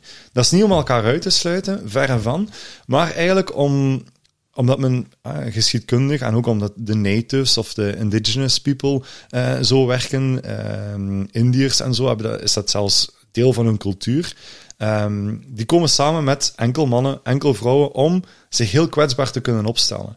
Um, om een keer te zien van ja, wat speelt er in het leven? Hoe ga je daarmee om? Uh, wat kunnen we daaraan doen? Uh, ja, en mijn interesse was meteen gewekt door, door hun platform dat ze toen hadden uh, opgezet. En zo ben ik in 2019, um, uh, ja, eind 2019, beginnen samenkomen met een, een, een aantal uh, mannen hier in, in, in, de regio, zeven om precies te zijn. En ja, en elke maand kwamen wij samen. En ondertussen waren wij gewoon echte vrienden. Maar we spraken wel uit, heel kwetsbaar, um, ook zonder taboes. ja, wat houdt er ons bezig, bezig in ons leven? Um, dat kon dan gaan over eh, de, de, scheiding waar ik op dat moment in zat. Dat kon gaan over uh, vaderschap uh, voor de mannen die, die vader waren. Dat kan, kon zijn over professionele issues waar men mee zat. Um, gezondheidsissues waar men, men mee zat enzovoort. en dat heeft mij eigenlijk ook heel veel bijgebracht om, om mezelf te durven uiten. dus ik heb um, nooit echt veel over mezelf gesproken. Maar ik dacht van ja, dat gaat een ander niet, niet interesseren. Maar daar heb ik dat wel leren doorbreken. Zo, om, om echt te kunnen vertellen over mezelf. Uh, met echte vrienden op dat moment. Ja. Uh, want voorheen ja, was dat voor mij. Dat is een verschil, hè? Ja. Dat is echt een heel verschil van hoe dat je met anderen kunt omgaan op dat moment. Uh, ook om weer terug te komen, uw, uw kwetsbaarheid bepaalt hoe, hoezeer dat je in verbinding kunt gaan met elkaar. Want ergens bleef ik altijd met een leegte achter uh, als ik bijvoorbeeld met, met uh, andere vrienden van vroeger uh, dan ging, ging connecteren tussen aanhalingstekens, dan was dat een keer op café of op de voetbal of weet ik veel wat. En dan ging dat ja, over de voetbal. Ja. Dan ging dat over de vrouwen thuis. Dan ging dat, weet ik veel wat. Zijn, ja. Maar hey, stel dat je daar dan een keer emotioneel iets zou vertellen, dan is van, allee jong, eh, ja, uh, laat u niet doen. Niet meer blij, hier is een pintje. Ja, ja hier is een pintje en uh, drink, oh, dat is wel erg. En dat was het dan ook zo. Hè? Of zo de vraag die altijd gesteld wordt, zo in, in zo'n contexten, van, uh, hoe is het? Ja, ja. Er is niemand die die vraag stelt die echt wil weten hoe het met u gaat. Ja, ja, voilà. En wat speelt er in je leven enzovoorts. En als je dan in, in, in een veilige omgeving kunt zeggen van, het gaat eigenlijk niet goed. Um, ik heb dit en dat meegemaakt uh, gisteren en eergisteren. Ja, dan gaat er echt wel een wereld voor je open. Omdat je één, ja, praten werkt, maar praten heelt ook. Hè. Uh, door over bepaalde zaken te kunnen spreken met vrienden, gaat je ook andere inzichten krijgen. Je gaat ook dingen gewoon kunnen ja, releasen, zoals men dat noemt. Gewoon kunnen loslaten van, oh, het is van mij af, het is van mijn lever. Hè. Ja. Um, ja. Men zegt soms van dat um, de enigste plek waar uh, mannen hun emoties kunnen uh, tonen is in een voetbalstadion. Uh, maar of dat altijd even goed is, hè, maar gaat dan ook een keer woede of een keer een middenvinger ja. opsteken naar de scheidsrechter, bij wijze van spreken. Of lijkt een naap, zelf een naap spelen, ja. Ja, het is dat, ja. ja. Dus, um, maar, maar welke echte uh, heling of welke groei neemt dat met zich mee? 0,0. We moeten daar eerlijk in zijn als een keer passant en je kunt je amuseren met de voetbal. Uh, ik uh, kijk ook nog altijd een keer wat, uh, wat Racing Gang heeft gemaakt. Ja, ja, als fan, ik ben vroeger ook veel naar de voetbal geweest. De blauw-witte, dus, jongen. De blauw-witte. bij mij is het Gent. Bij Gent, natuurlijk. Want dat is ook allemaal na corona, dat we dan het stadion niet meer binnen mochten. En ik had een abonnement en ja, maar je kan geen QR-code, dus en ah ja, dan is het ook zo. Zaken. En ja. dan is het ook echt geminderd. En ja, nu neem ik gewoon geen abonnementen meer. ik, ik heb zoiets van, nee, ik kijk nog wel elke keer zo en ze gedaan. Het is leuk, ja, nu is het ook wel leuk voor u, Genk. Ja, ja tuurlijk, als het dan eerst. Uh, we, hebben trouwens een nieuwe speciale actie voor mensen die een voetbalabonnement inruilen. kunnen ze dat in omruilen voor een Tim Tom abonnement. Ah, voilà, kijk eens. Ja, mooi, mooi, mooi. Uh, een mooie commerciële actie. Www.timtompodcast.com Ja, schitterend. Nee, ja, dus... Um, en zo ja, verder mannenwerk. En we kwamen elke vier weken samen. Uh, weer of geen weer, uh, feestdag of geen feestdag. Elke vier weken, uh, de dinsdagavond was dat toen, kwamen we samen bij Jelle Dulster. die was dan van Oostkamp, een van de initiatiefnemers, samen. Maar zo zijn er heel veel mannencirkels op dat moment opgestart, dankzij Ton en, en Jelle. en is er ook, alleen, maar dat was dan blijkbaar al, al gaande, ook een mannenfestival elk jaar. Vorig jaar waren we met 350 mannen samen, uh, die daar gewoon aan persoonlijke groei uh, gingen doen. Hè. Dus, uh, en dat ging dan over de, de uh, geitenwolle sokken spiriwiri Ja. uh, mannen tot CEO's van, van grote bedrijven die daar samenkwamen. Dus um, om maar aan die persoonlijke groei, die persoonlijke ontwikkeling. En dan ja, zijn dat workshops. Je kunt het je zo gek niet bedenken of je hebt het daar. Um, dat kon gaan om een, een, een yoga-workshop, een meditatie-workshop. Maar ook van ja, hoe hoe kunnen we um, waarde geven aan hetgeen dat we doen op ons werk? Uh, dus echt heel business uh, gerelateerd uh, dat er ja, workshops werden gegeven. Um, maar ook ja, shamanistische zaken. Dus, dus echt de, de uitersten die daar samenkwamen. En ja, de emoties die, die daar boven komen in zo'n cirkels, op zo'n mannenfestival. Um, ja, dat is... Dat is ja, ongezien en dat raakt mij veel meer en dat doet mij veel meer als persoon uh, dan ja, Racing Genk die met 3-0 wint van, uh, van Anderlecht bij wijze van spreken ja. uh, of van een agent. Ja. ja, dat is dan dat is dan op dat moment leuk, maar dan haalt je dat is vluchtig. wezenlijks, dat is inderdaad iets vluchtig, dat is en een keer amuseren en een keer ja, maar die genieten van een die moment. authenticiteit, dat maar is, die echte persoonlijke ja. intensiteit, de authenticiteit die daar naar boven komt, de groei ook van, van wie dat ik ben als persoon, hoe dat ik in het leven sta, uh, met veel meer zelfvertrouwen, veel meer zelfkennis ook. Uh, dat is dankzij dat uh, mannenwerk geweest ook. Ja. Ja, Mede dankzij. En, en terwijl je het aan het vertellen bent, en, en voetbalstadion, en, en, en denk van ja, eigenlijk, eigenlijk is dat ook, in de pure vorm is dat ook spiritualiteit. Mhm. Omdat dat, omdat dat een hele oprechte, pure vorm van beleving is. Ja, Op dat moment, hè. Ja. Alleen het het kader eromheen verziekt het helemaal. Alleen wat Ja. mij betreft dan. Ja, ja. En, en ja, niet iedereen zit naar dezelfde wedstrijd te kijken, heb ik ook wel eens het idee. Daar zo, meestal zo zitten die achter doel links en rechts. Die hebben precies een andere wedstrijd dan dat ik aan het kijken ben. Ja, ja, ja, ja. Maar ja, die, die, die saamhorigheid, eh, dat, dat euforische gevoel, als de Rode Duivels spelen en ze Ja. hebben gewonnen, eh, dat, dat saamhorige gevoel, Mhm, mhm. ja, ik vind dat ook wel mooi. Dat is ook een vorm van, van Ja, spiritualiteit. dat klopt, dat klopt. Ja, en als ja. je dan nu, hè, dat is dan alleen als de Rode Duivels winnen, wat niet zo heel vaak gebeurt. De laatste tijd wel vaker, maar eh, ik ben een oranje fan van, van origine. Ik ook. Ja, dus, en dan, en dan ben ik ben net op tijd geswitcht. Oké. maar als ik dan nu kijk, van wa- wa- waar, haal, waar haal ik nu zo'n euforisch gevoel van? Ja, bijvoorbeeld eh, gewoon daar even zitten op ons festival, eh, niemand om mij heen, ik zie de mensen genieten. Voilà. Dat, is, dat, is, Ja. dat is hetzelfde gevoel. Dat is, dat is Hetgeen wat je werkelijk verwezenlijkt op dat moment. En als je daarvan kunt genieten, dat gaat veel dieper in u. Ja, die- Eh, dat blijft u ook veel beter hangen. Hè? Dus eh, het is gelijk dat je zegt van dat is inderdaad een vluchtig eh, gevoel. En als je dat dan spiritueel wil betrekken, hè, je zei het daarnet al, ja, dat is wel een moment dat mensen hun emoties een keer mogen uiten. Hè? Dat dat een beetje gekanaliseerd gebeurt. Want als je thuis eh, de middenvinger zou opsteken of een keer eh, tegen de hekken of tegen de deur zou, eh, zou bonken, dan heeft dat andere gevolgen dan als je dat op de, op de voetbal doet, waar iedereen dat doet. Hè? Dus dat is ook zo'n beetje die, die groeps... eh, druk tussen aangestekens om eigenlijk je emoties eh, op dat moment te uiten. Ehm, Ja, en als je dus dan ik- dat ik- kan ik organiseren. minimaliseer dat niet. Hè. Ik vind dat een hele goede uit, eh, uitlaatklep voor heel veel mensen. Ehm, maar ik denk dat er eh, diepgaandere dingen zijn, of dat heb ik toch mogen ervaren Ja. voor mezelf. eh, diepgaandere dingen zijn om te kunnen omgaan met die emoties Ja. en met de zaken die er spelen. Eh, en met de triggers die er zijn van een andere man of van een, eh, een andere persoon uh, tout court. Dus, eh, dus ja. Ja, die mannencirkels, allee, eender welke vorm van, van mastermind waarin je dat, dat je dat zo deelt. Voor ons is dat heel natuurlijk. Bij, als wij overleggen hebben of, of vergaderingen over, over ons festival, dat is, dat is vanzelfsprekend dat je eerst even een rondje doet van inchecken hoe iedereen erbij en zit. zo. Ah, mooi. Niet wat we allemaal al gedaan hebben. Ja. Of, nee, dat is nee, dus wat ik van Wouter. Torres heb geleerd. eh, dus hij doet dat ook met zijn managementteam blijkbaar. Hè. Dus Alex moet even inbrengen van hoe zit hij erbij. Eh, even een meditatief moment nemen. Eh, en dan ziet hij ook dat de, de resultaten veel hoger zijn daardoor dan als ze dat niet zijn. Hè. Een vergadering waarmee ze wel starten ehm, met die traditie, die is veel efficiënter dan een vergadering Ja. waarmee ze dat niet doen. Ja, soms zijn een- we, we hebben anderhalf uur of, of twee uur de tijd. Soms zijn wij een uur bezig met, met hier dat ons rondje af is. Mhm, klopt. Maar Ja, ja. daarna worden, worden er zo gigantisch snel stappen gezet dat Ja. je denkt van, hè, wat is er nu net gebeurd? ja, voilà. En we, hebben- we, hebben, we hebben zo lang de tijd genomen om... Ja, ja, even te zien van wat speelt er in het Ja, leven ja, toch gaat het dan opeens... Hup, en dan gaat het allemaal vanzelf.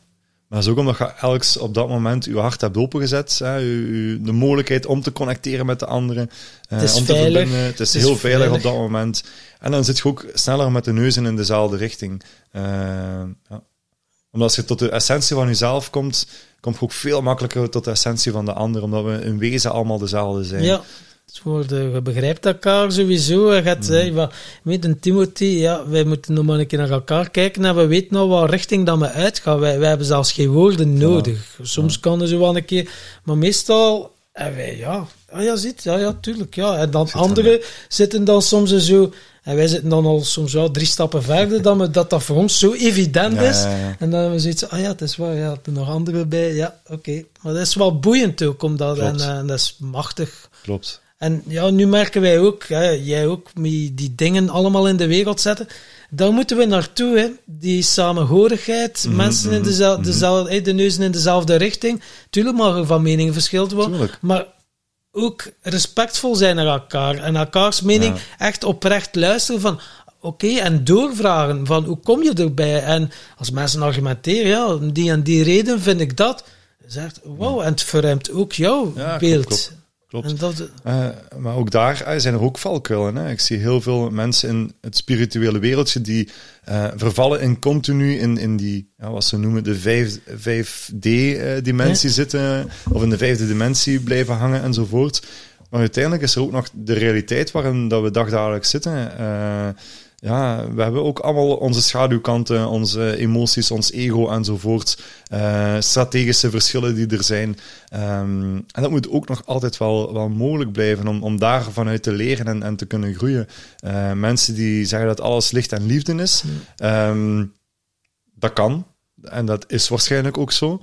Eh, maar als je daarin gaat blijven hangen, ja, dan mis je heel veel van je, je persoonlijke leven. We zijn nog altijd mensen van vlees en bloed. En ik, allee, mijn, het is mijn overtuiging eh, dat je daarin niet mocht blijven hangen. En dat je ook eh, ja, de realiteit onder ogen moet durven Het is in het nu, hè. Dat is, je hebt maar één moment, dat is nu. En als er Ja. pijn of verdriet komt, ja, kun je wel zeggen, joh, licht en liefde, maar ook, het- Ellemieke zei het ook heel mooi, eh, want die was dan zelfs ja, een ongeboren kind, 39 weken zwanger en dan ongeboren, dus ja, dan ook, ook wel die donkerte en die... Doodgeboren, niet Doodgeboren, Doodgeboren, ja, ja, ja. doodgeboren, ja. Ja.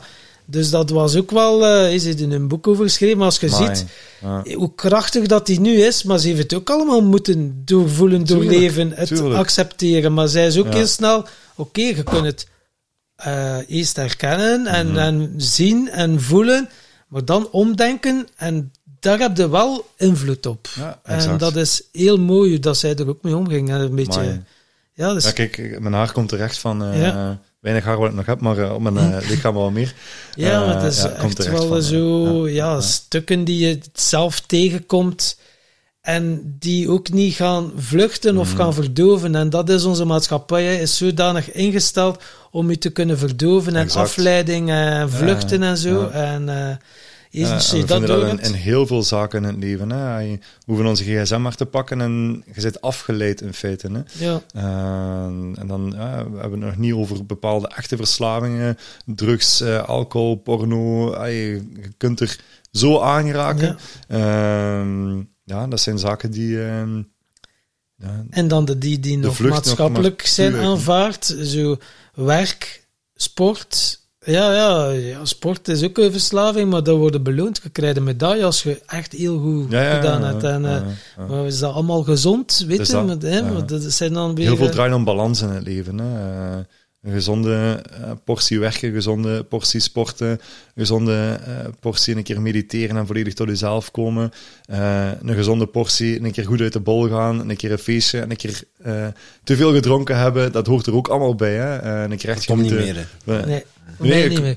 Maar maar inderdaad, ik heb al ik gedronken wil maar voor zeggen dat- 80 dat is jaar. Ja, ja, ja, ik, ik heb al gedronken voor... Ah, wel, je bent nu de balans aan het ja, zoeken, ik dus, heb mijn eh, balans, dus ik heb ja, al ja. overdaad gedaan. Meer dan veel. En voor mij is het geen, idee, geen goed idee om de deur op een kier te laten. Mm. Ik zou dan nog een keer kunnen, pinten drinken en erachter waarschijnlijk stop. Maar ik wil mijzelf er ook niet in uitdagen. En dan heb ik zoiets, ik voel mij ook super fijn en gelukkig om dat op die manier te Ah, wel, leven. en dat is elk voor zich. Dat Dat, is weer ook- die individuele vrijheid wat jij in u draagt. En, Klopt. eh, en blijft dat beleven. En ja, probeer dat geluk na te streven. eh. Ja, want Ellemieke zei het ook, van na dat doodgeboren kind, zij had dan, de, ja, zij had dan zoiets van, oké, ik ga mijn persoonlijke groei, EFT en dan Mivilna van Betten en eh, EMDR. Mhm. En dan Sergio, Herman, ja, die eh, gewoon werk en storten in het werk. En, uh, maar Ja, ze klopt, lieten ja. elkaar er ook vrij in. En zo van, Ja. oké, elk verwerkt het op zijn of haar manier. Mhm, mhm. Is dan ook mooi dat je dan ook elkaar die vrijheid gunt. Je- en dat is, dat is liefde. Ja. Dat je volledig jezelf mocht zijn en het elk op zijn manier kan doen. Over. Annemieke gesproken, die had nog een hele leuke vraag voor jou. Aha, Ja. ben benieuwd. Eh, Die vroeg zich af, van, waar, word jou, wa- waar word jij gelukkig van? Wat is jouw levensmissie? Waar is mijn levensmissie? Zeg ik het goed, Tom? Ja, Ja, ik heb, Ziels. ehm, ik heb dat, ja, ik heb dat ooit neergeschreven. Hè, dus in, in, in heel die periode ehm, van, de, van de eerste lockdown eh, kon ik ook eh, daarmee eh, veel bezig zijn. Ehm, ik had toen neergeschreven eh, dat mijn missie een zeer goede papa zijn is. Ik heb geen kinderen, nog geen kinderen. Ehm, en daar kwam eigenlijk heel veel bij kijken. Eh, het is niet alleen het vaderschap opnemen, een goede opvoeding eh, kunnen zijn, maar eigenlijk als, eh, als papa zet je een soort huisvader ehm, van jezelf in eerste plek. Hè. Dus hoe, hoe, hoe zit je als voorbeeld naar eventuele kinderen toe, eventuele omgeving toe, hè, uw, uw partner, uw vrienden enzovoorts. Ehm, dus hoe, hoe goed zorg je voor jezelf? Eh, hoe goed zorg je voor die naasten? Eh, welke rol eh, geeft je hen in, in je leven? Ehm, dan ook ja, zorg je dat er brood op de plank komt. Hè? De goede huisvader zorgt daarvoor. Dus dat, eh, dat je eh, ja, financieel eh, iets hebt, dat er een dak boven je hoofd is enzovoorts. Daar de verantwoordelijkheid weer durven voor opnemen. Eh, wat zit er nog in? Een bepaald netwerk uitbouwen. Ehm, dat denk ik ah, dat, dat ik tot nu toe al goed in geslaagd ben, al sinds mijn studies, om overal in, in ieder geleding, in iedere eh, ja, hoe moet ik het zeggen, segment van de samenleving een, een bepaalde connectie te hebben waar ik echt meteen rechtstreekse lijn mee heb om, om eh, mij te kunnen helpen als dat nodig zou zijn.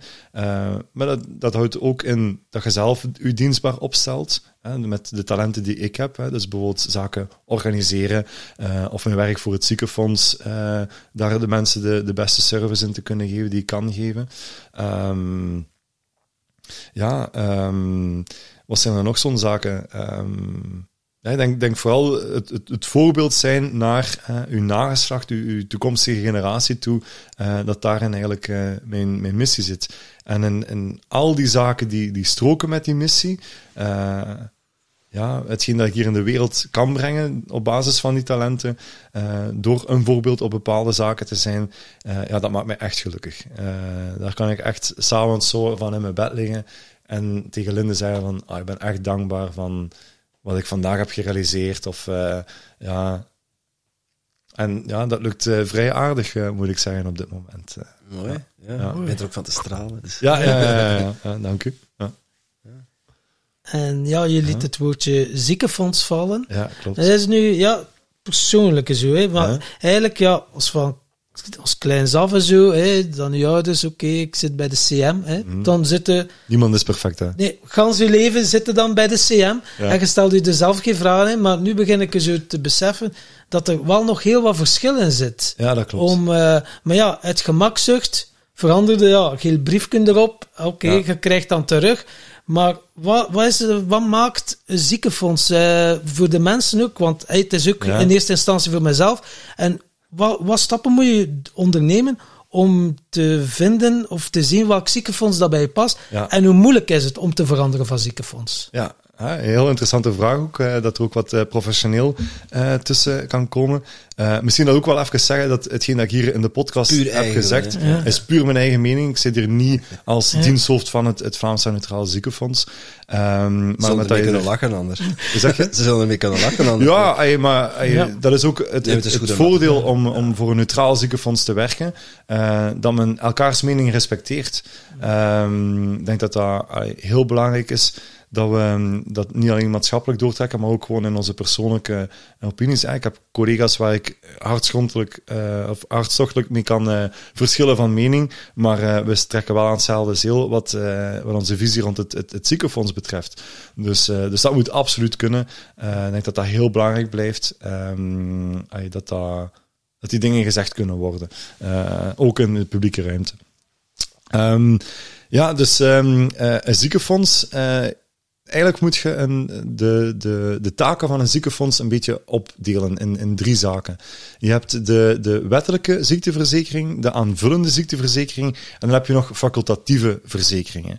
Die wettelijke ziekteverzekering, dat is, zoals het woordje zegt, wettelijk geregeld. Dat is bij ieder ziekenfonds exact hetzelfde.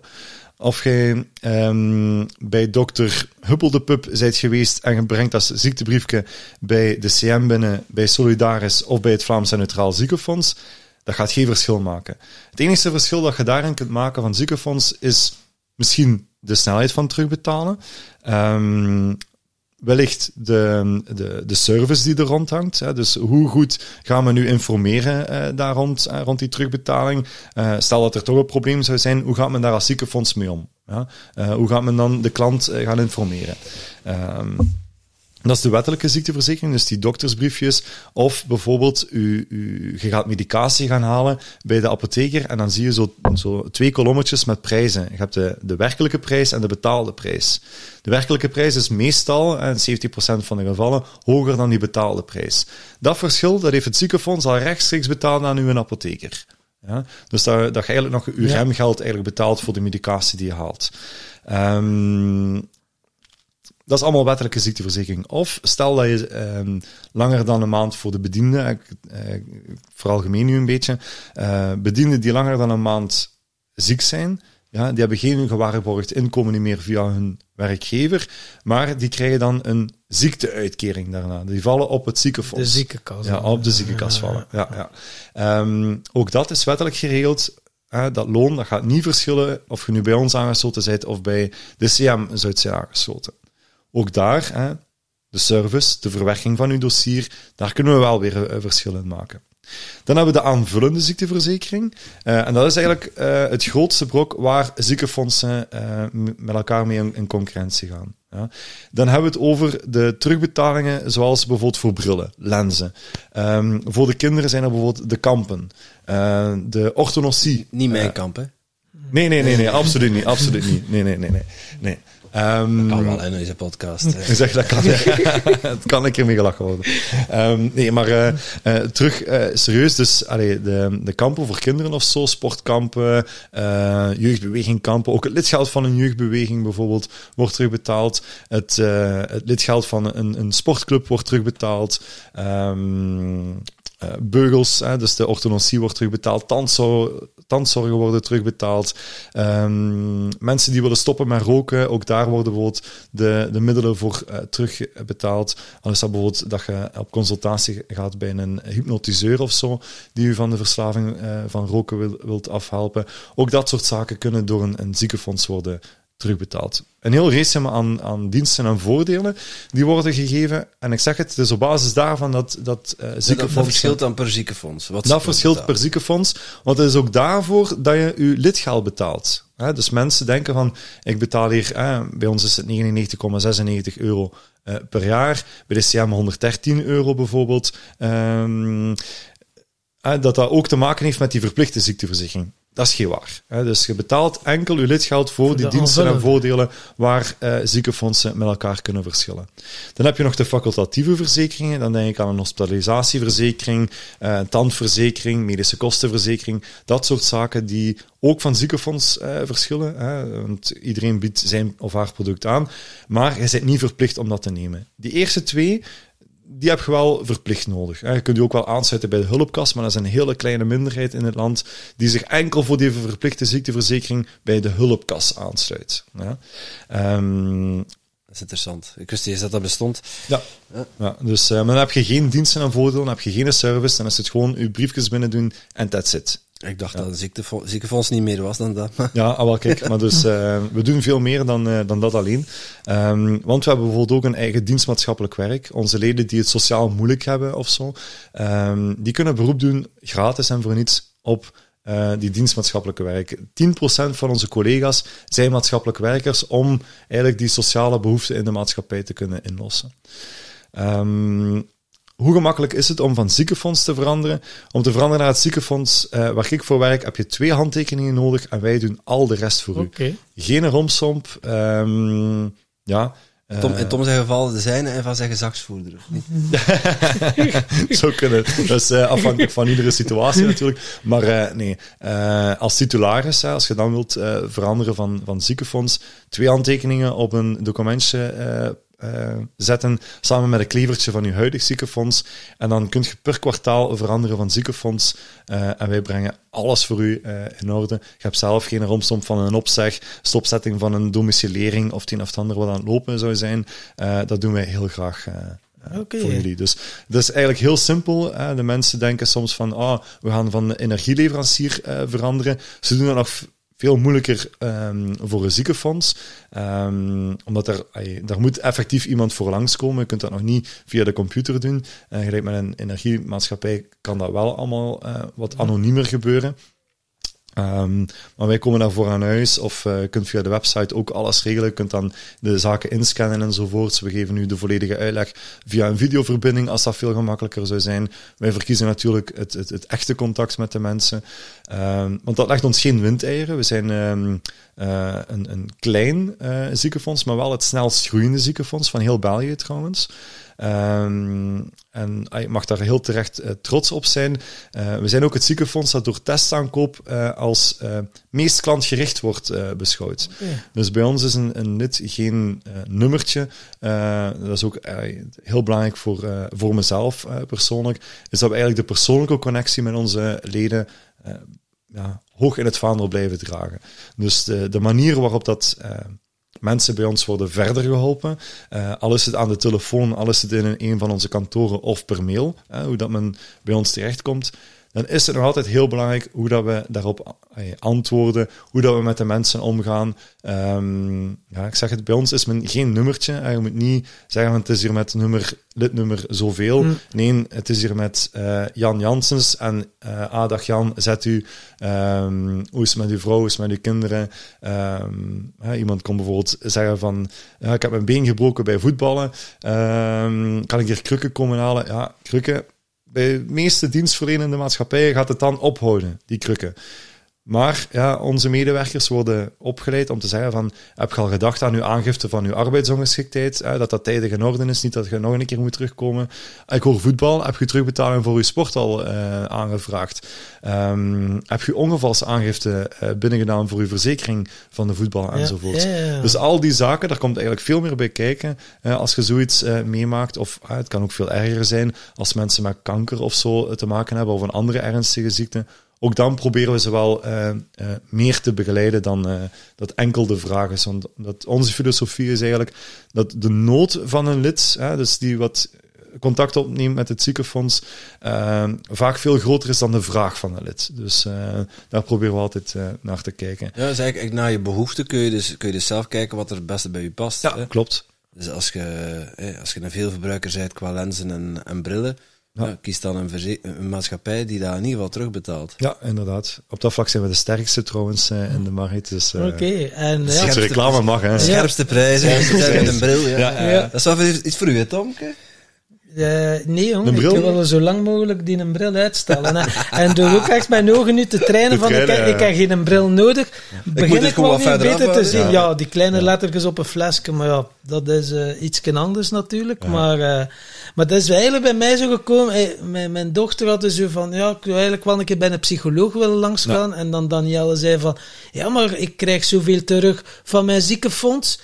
Dan, ik was aan het zoeken, maar ja, dat verandert. Hè, dat verschilt wel van Ja, ziekenfonds tot ziekenfonds. Want dan zei ze van, ja, je kunt acht of tien keer gaan jongeren Ja. en die moeten maar 10 euro betalen bij mijn ziekenfonds. Ik dacht ook, oké. Maar ik zei, bij de CM was dat totaal niet. En zo Kijk, ik zit hier nu bij een, bij een kenner, dus ik ben een expert, dus ik dacht Je bent altijd welkom, of ik kom heel graag tot bij je thuis om, eh, om dat in orde te maken. Ja, dat is goed. Ehm, ja, want allee, ook vanuit de beweging is dat ook al zo'n keer eh, eh, aan bod gekomen. Bijvoorbeeld Dirk Teuns eh, is eh, een keer lid geworden van, van mijn ziekenfonds. Ik ben hem toen gaan aansluiten. En hij zette dat op Facebook. En meteen kreeg ik berichten en masse binnen van ja, Wouter moet bij mij ook komen om, om mij om te schakelen enzovoort. Dus ja, en Kom, is dan- mij. Ja. ja, kom bekeert mij inderdaad, zo was het. En dan, ja, dat is eigenlijk iets dat ik buiten mijn uren doe. Hè. Dus binnen mijn uren Mensen ben ik... bekeren. Hoe zeg je? Mensen bekeren. Mensen bekeren van ziekenfonds, dat is eh, een, eh, een, eh, ja, iets dat ik buiten de uren doe.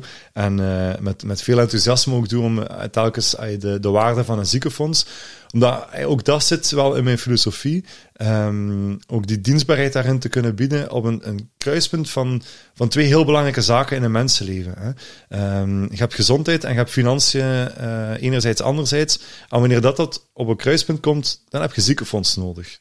En ja, als je daar een, een, rol kunt spelen in een, een, goede omkadering voor eh uw leden of voor, voor de patiënten die het dan nodig hebben, ehm, je kunt dat zo goed mogelijk doen, ja, daar word ik ook gelukkig van. Dat zit ook in mijn eh, levensmissie, eh, om het zo te zeggen. En wat is jouw functie precies, eh, dat ziekenfonds? Is, eh, jij staat dan aan het Directeur. hoofd of directeur? Ik, of ik, zo? ben, eh, geen, ik ben geen directielid, ik ben wel een diensthoofd, dus dat is een staflid. Ehm, en ik ben diensthoofd van de kantoren en de telefonie.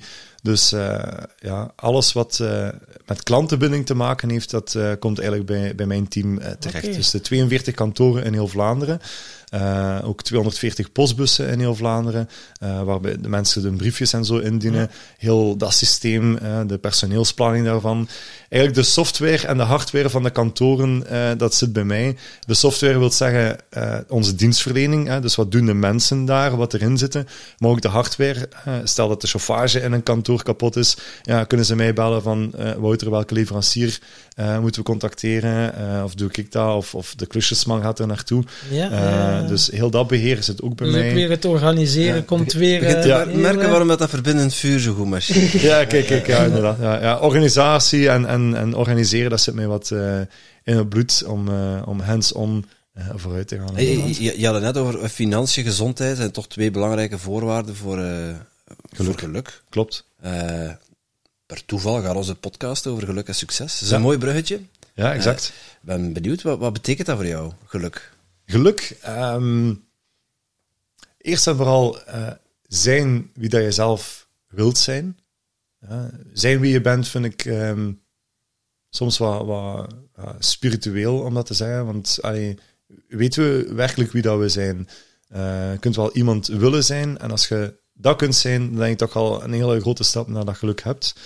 Ehm, ja, en anderzijds ook, ook weten te genieten van, van uw omgeving. Dus, eh, het komt altijd van binnenuit, maar ook van buitenuit.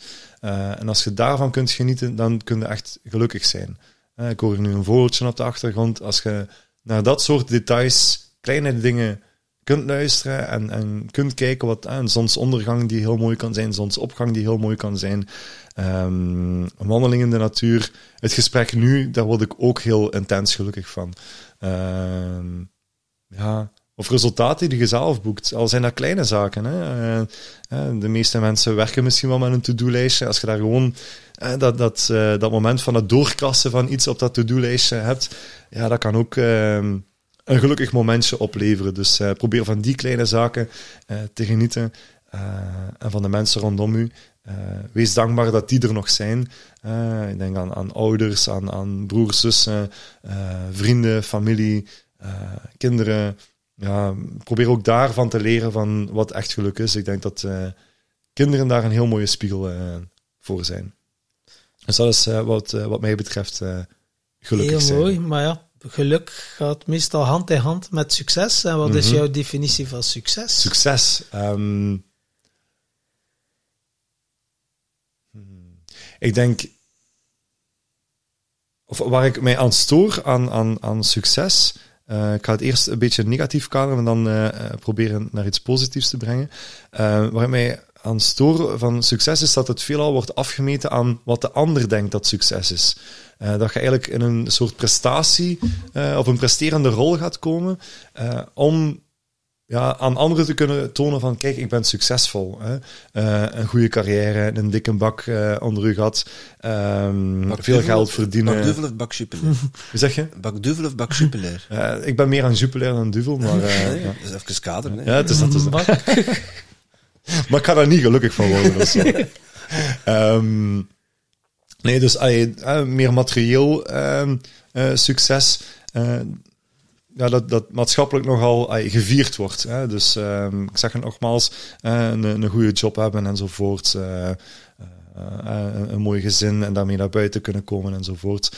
Ik denk dat voor mij succes heel belangrijk is, of wat daartoe belangrijk is liever, als je zelf bepaalde doelen voor ogen stelt om die te kunnen nastreven. Uh, en als je ze behaalt, dat dat uh, een vorm van succes is. Ehm, en dat dat bepaalde intrinsieke doelen zijn, dat dat bepaalde intrinsieke missie is die je in leven hebt. als je dat kunt behalen, ten opzichte van een bepaalde tijd, je, je kunt dat smart maken, gelijk ze zeggen. heel specifiek, meetbaar, ambitieus, mm. tijdsgerelateerd. Um, realistisch. en realistisch, inderdaad.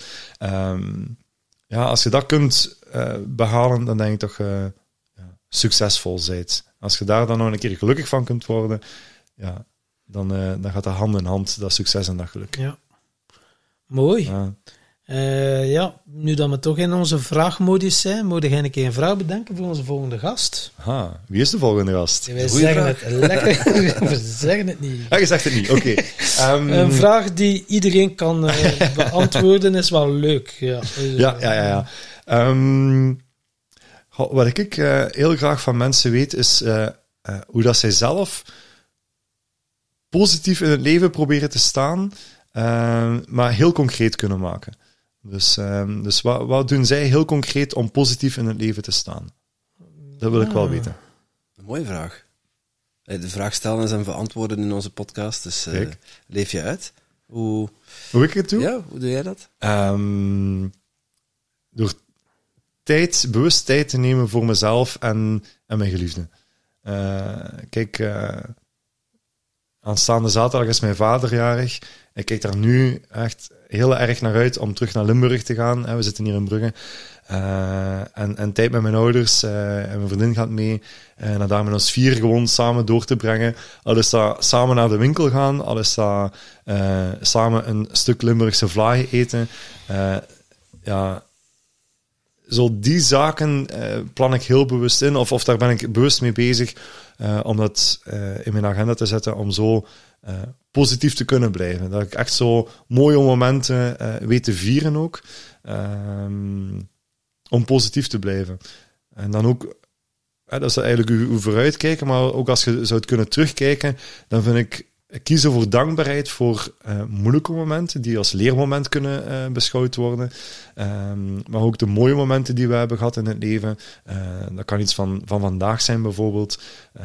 ik heb vandaag ook gewerkt, ook weer wat mensen verder geholpen bij het ziekenfonds, die, die heel tevreden waren en terug naar huis konden gaan. daar dankbaar voor zijn, dat is ook een stuk van, van die positiviteit in mijn leven. Uh, en dan denk ik, ja, tegenslagen, als ze ze voordoen, uh, relativeren uh, en eruit leren. en, en dat leermoment opnieuw vieren, ja, dat, als je dat blijft doen, dan denk ik dat je mooi. heel leer, positief in het, het leermoment opnieuw vieren. Ja, ja, dat is ja, mooi. Ja, Prachtig. We hebben netjes de twee uur aangetikt, zelfs er al over. Dus, ja, dat is zot, hè? Dus, Had ik niet verwacht. Want ik had me totaal niet voorbereid of zo. en uh, toen dat Tom mij belde voor uh, een, uh, een podcast op te nemen. zijn van gasten die zich voorbereid hebben. Dat is echt ja, ja, dat is niet ons ding. Nee, nee. nee maar Tom, toen, toen dat je mij uitnodigde voor de podcast, waarvoor dank trouwens. ik vond het heel plezant om, om hier met jullie te zitten. Um, we zitten niet, ja, wat heb ik nu in godsnaam te vertellen? ik doe liever dingen dan dat ik dingen vertel. Dus uh, het was voor mij ook een, uh, een groeimomentje hier. Ja, uh, ja, alles ging je redelijk goed af, zo, dat vertel ja. Dank u. Fijn, heren. Dankjewel. Merci. Als Eh, mensen inderdaad nog meer over jou willen weten, Of of, ze willen bij het verbindend vuur zijn. verbindend vuur, of Of een ander event. waar kunnen ze bij jou Ja. terecht? Of ze zeggen, ja, ik wil ook bij dat ziekenfonds. Woehoe, het onafhankelijk, gaat al een lid bij. Ik, Niet eh, het onafhankelijk, het neutraal ziekenfonds. Ah, neutraal. Heel belangrijk, want dat is, eh, hebt ook een onafhankelijk ziekenfonds, dat is weer een ander ziekenfonds. Ah ja, Dus, oké. ja, ik, ja. eh, ik ben er allemaal neutraal Ehm, in. eh. ik ga wat eh, zaken doorgeven dan. Hè. Dus ehm, jullie kunnen mij volgen op eh, Facebook. ehm, eh, mij daar ook contacteren. Ehm, jullie kunnen... Onder uw eigen naam neem ik aan. Ja, Wouter Opdenakker, Mm. eh, met CK en E-woord. Ehm, eh, wat is nog eh, belangrijk om te weten? Dat is denk ik de website verbindendvuur.be, eh, waar weldra meer informatie over eh, het verbindend vuur uiteraard zal terechtkomen. Eh, ook de events voor eh, Apple for the Brain, waar ik eh, met Ellen Verelle eh, voor samenwerk, eh, kunnen ze ook vinden op Apple for the Brain Com, ofwel eh, op de Facebookpagina daarvan. eh, uiteraard, wat het ziekenfonds dan, eh, dan weer betreft, daar kunnen ze mij best eh, zelf eh, voor contacteren, de mensen. Of gewoon via de website vnz.be. eh, heel gemakkelijk eh, alle informatie Oké, terugvinden. super. En alles in de show notes zetten. Super. Zodat ze daar dan lustig op los kunnen klikken. Ja, inderdaad. En dan komen ze misschien eens ergens terecht waar ze wel naartoe willen. Ja, voilà, voilà. Ja, ik, ik wens het iedereen toe. Hè. Dus eh, dat is echt iets dat, dat iedereen zijn of haar pad kan eh, bewandelen in het leven. Dat lijkt mij echt eh, Ja, en blijven iets heel moois. En Ja, blijven met z'n allen doen, hè. Ja. Tuurlijk, tuurlijk. Ja. Ik wens ook jullie heel veel succes met eh, Tim Tom podcast en ook het festival dat er weer staat aan Ja. te komen. 9 september. 9 september in de agenda genoteerd. 9-9. Yes. hè. 9-9, Ja, inderdaad, een heel mooie datum. 9-9 Ja, ja, gepakt, ja, ja. ja. Ja, 9-9 Je en dan al, 11-11, eh, dus 11-11, eh, twee maanden eh, later Ja, ja, ja. ja. eh, gaan we elkaar opnieuw terugzien, eh yes, je Heerlijk. gerust zijn. Kijk er naar uit. Ja. Schitterend. Okido, Dank u wel. Alstublieft, dank u. En jij natuurlijk ook super bedankt om te luisteren naar deze podcast. Voel jij je geïnspireerd? Je zou ons een enorm plezier doen door ons 5 sterren te geven of een review achter te laten in jouw favoriete podcast-app. En wil je geen enkel inspiratiemoment missen? Abonneer je dan op onze podcast of volg ons op social media at Tim Tom Podcast. Oké, dan moet je terug aan de Tom. Hè?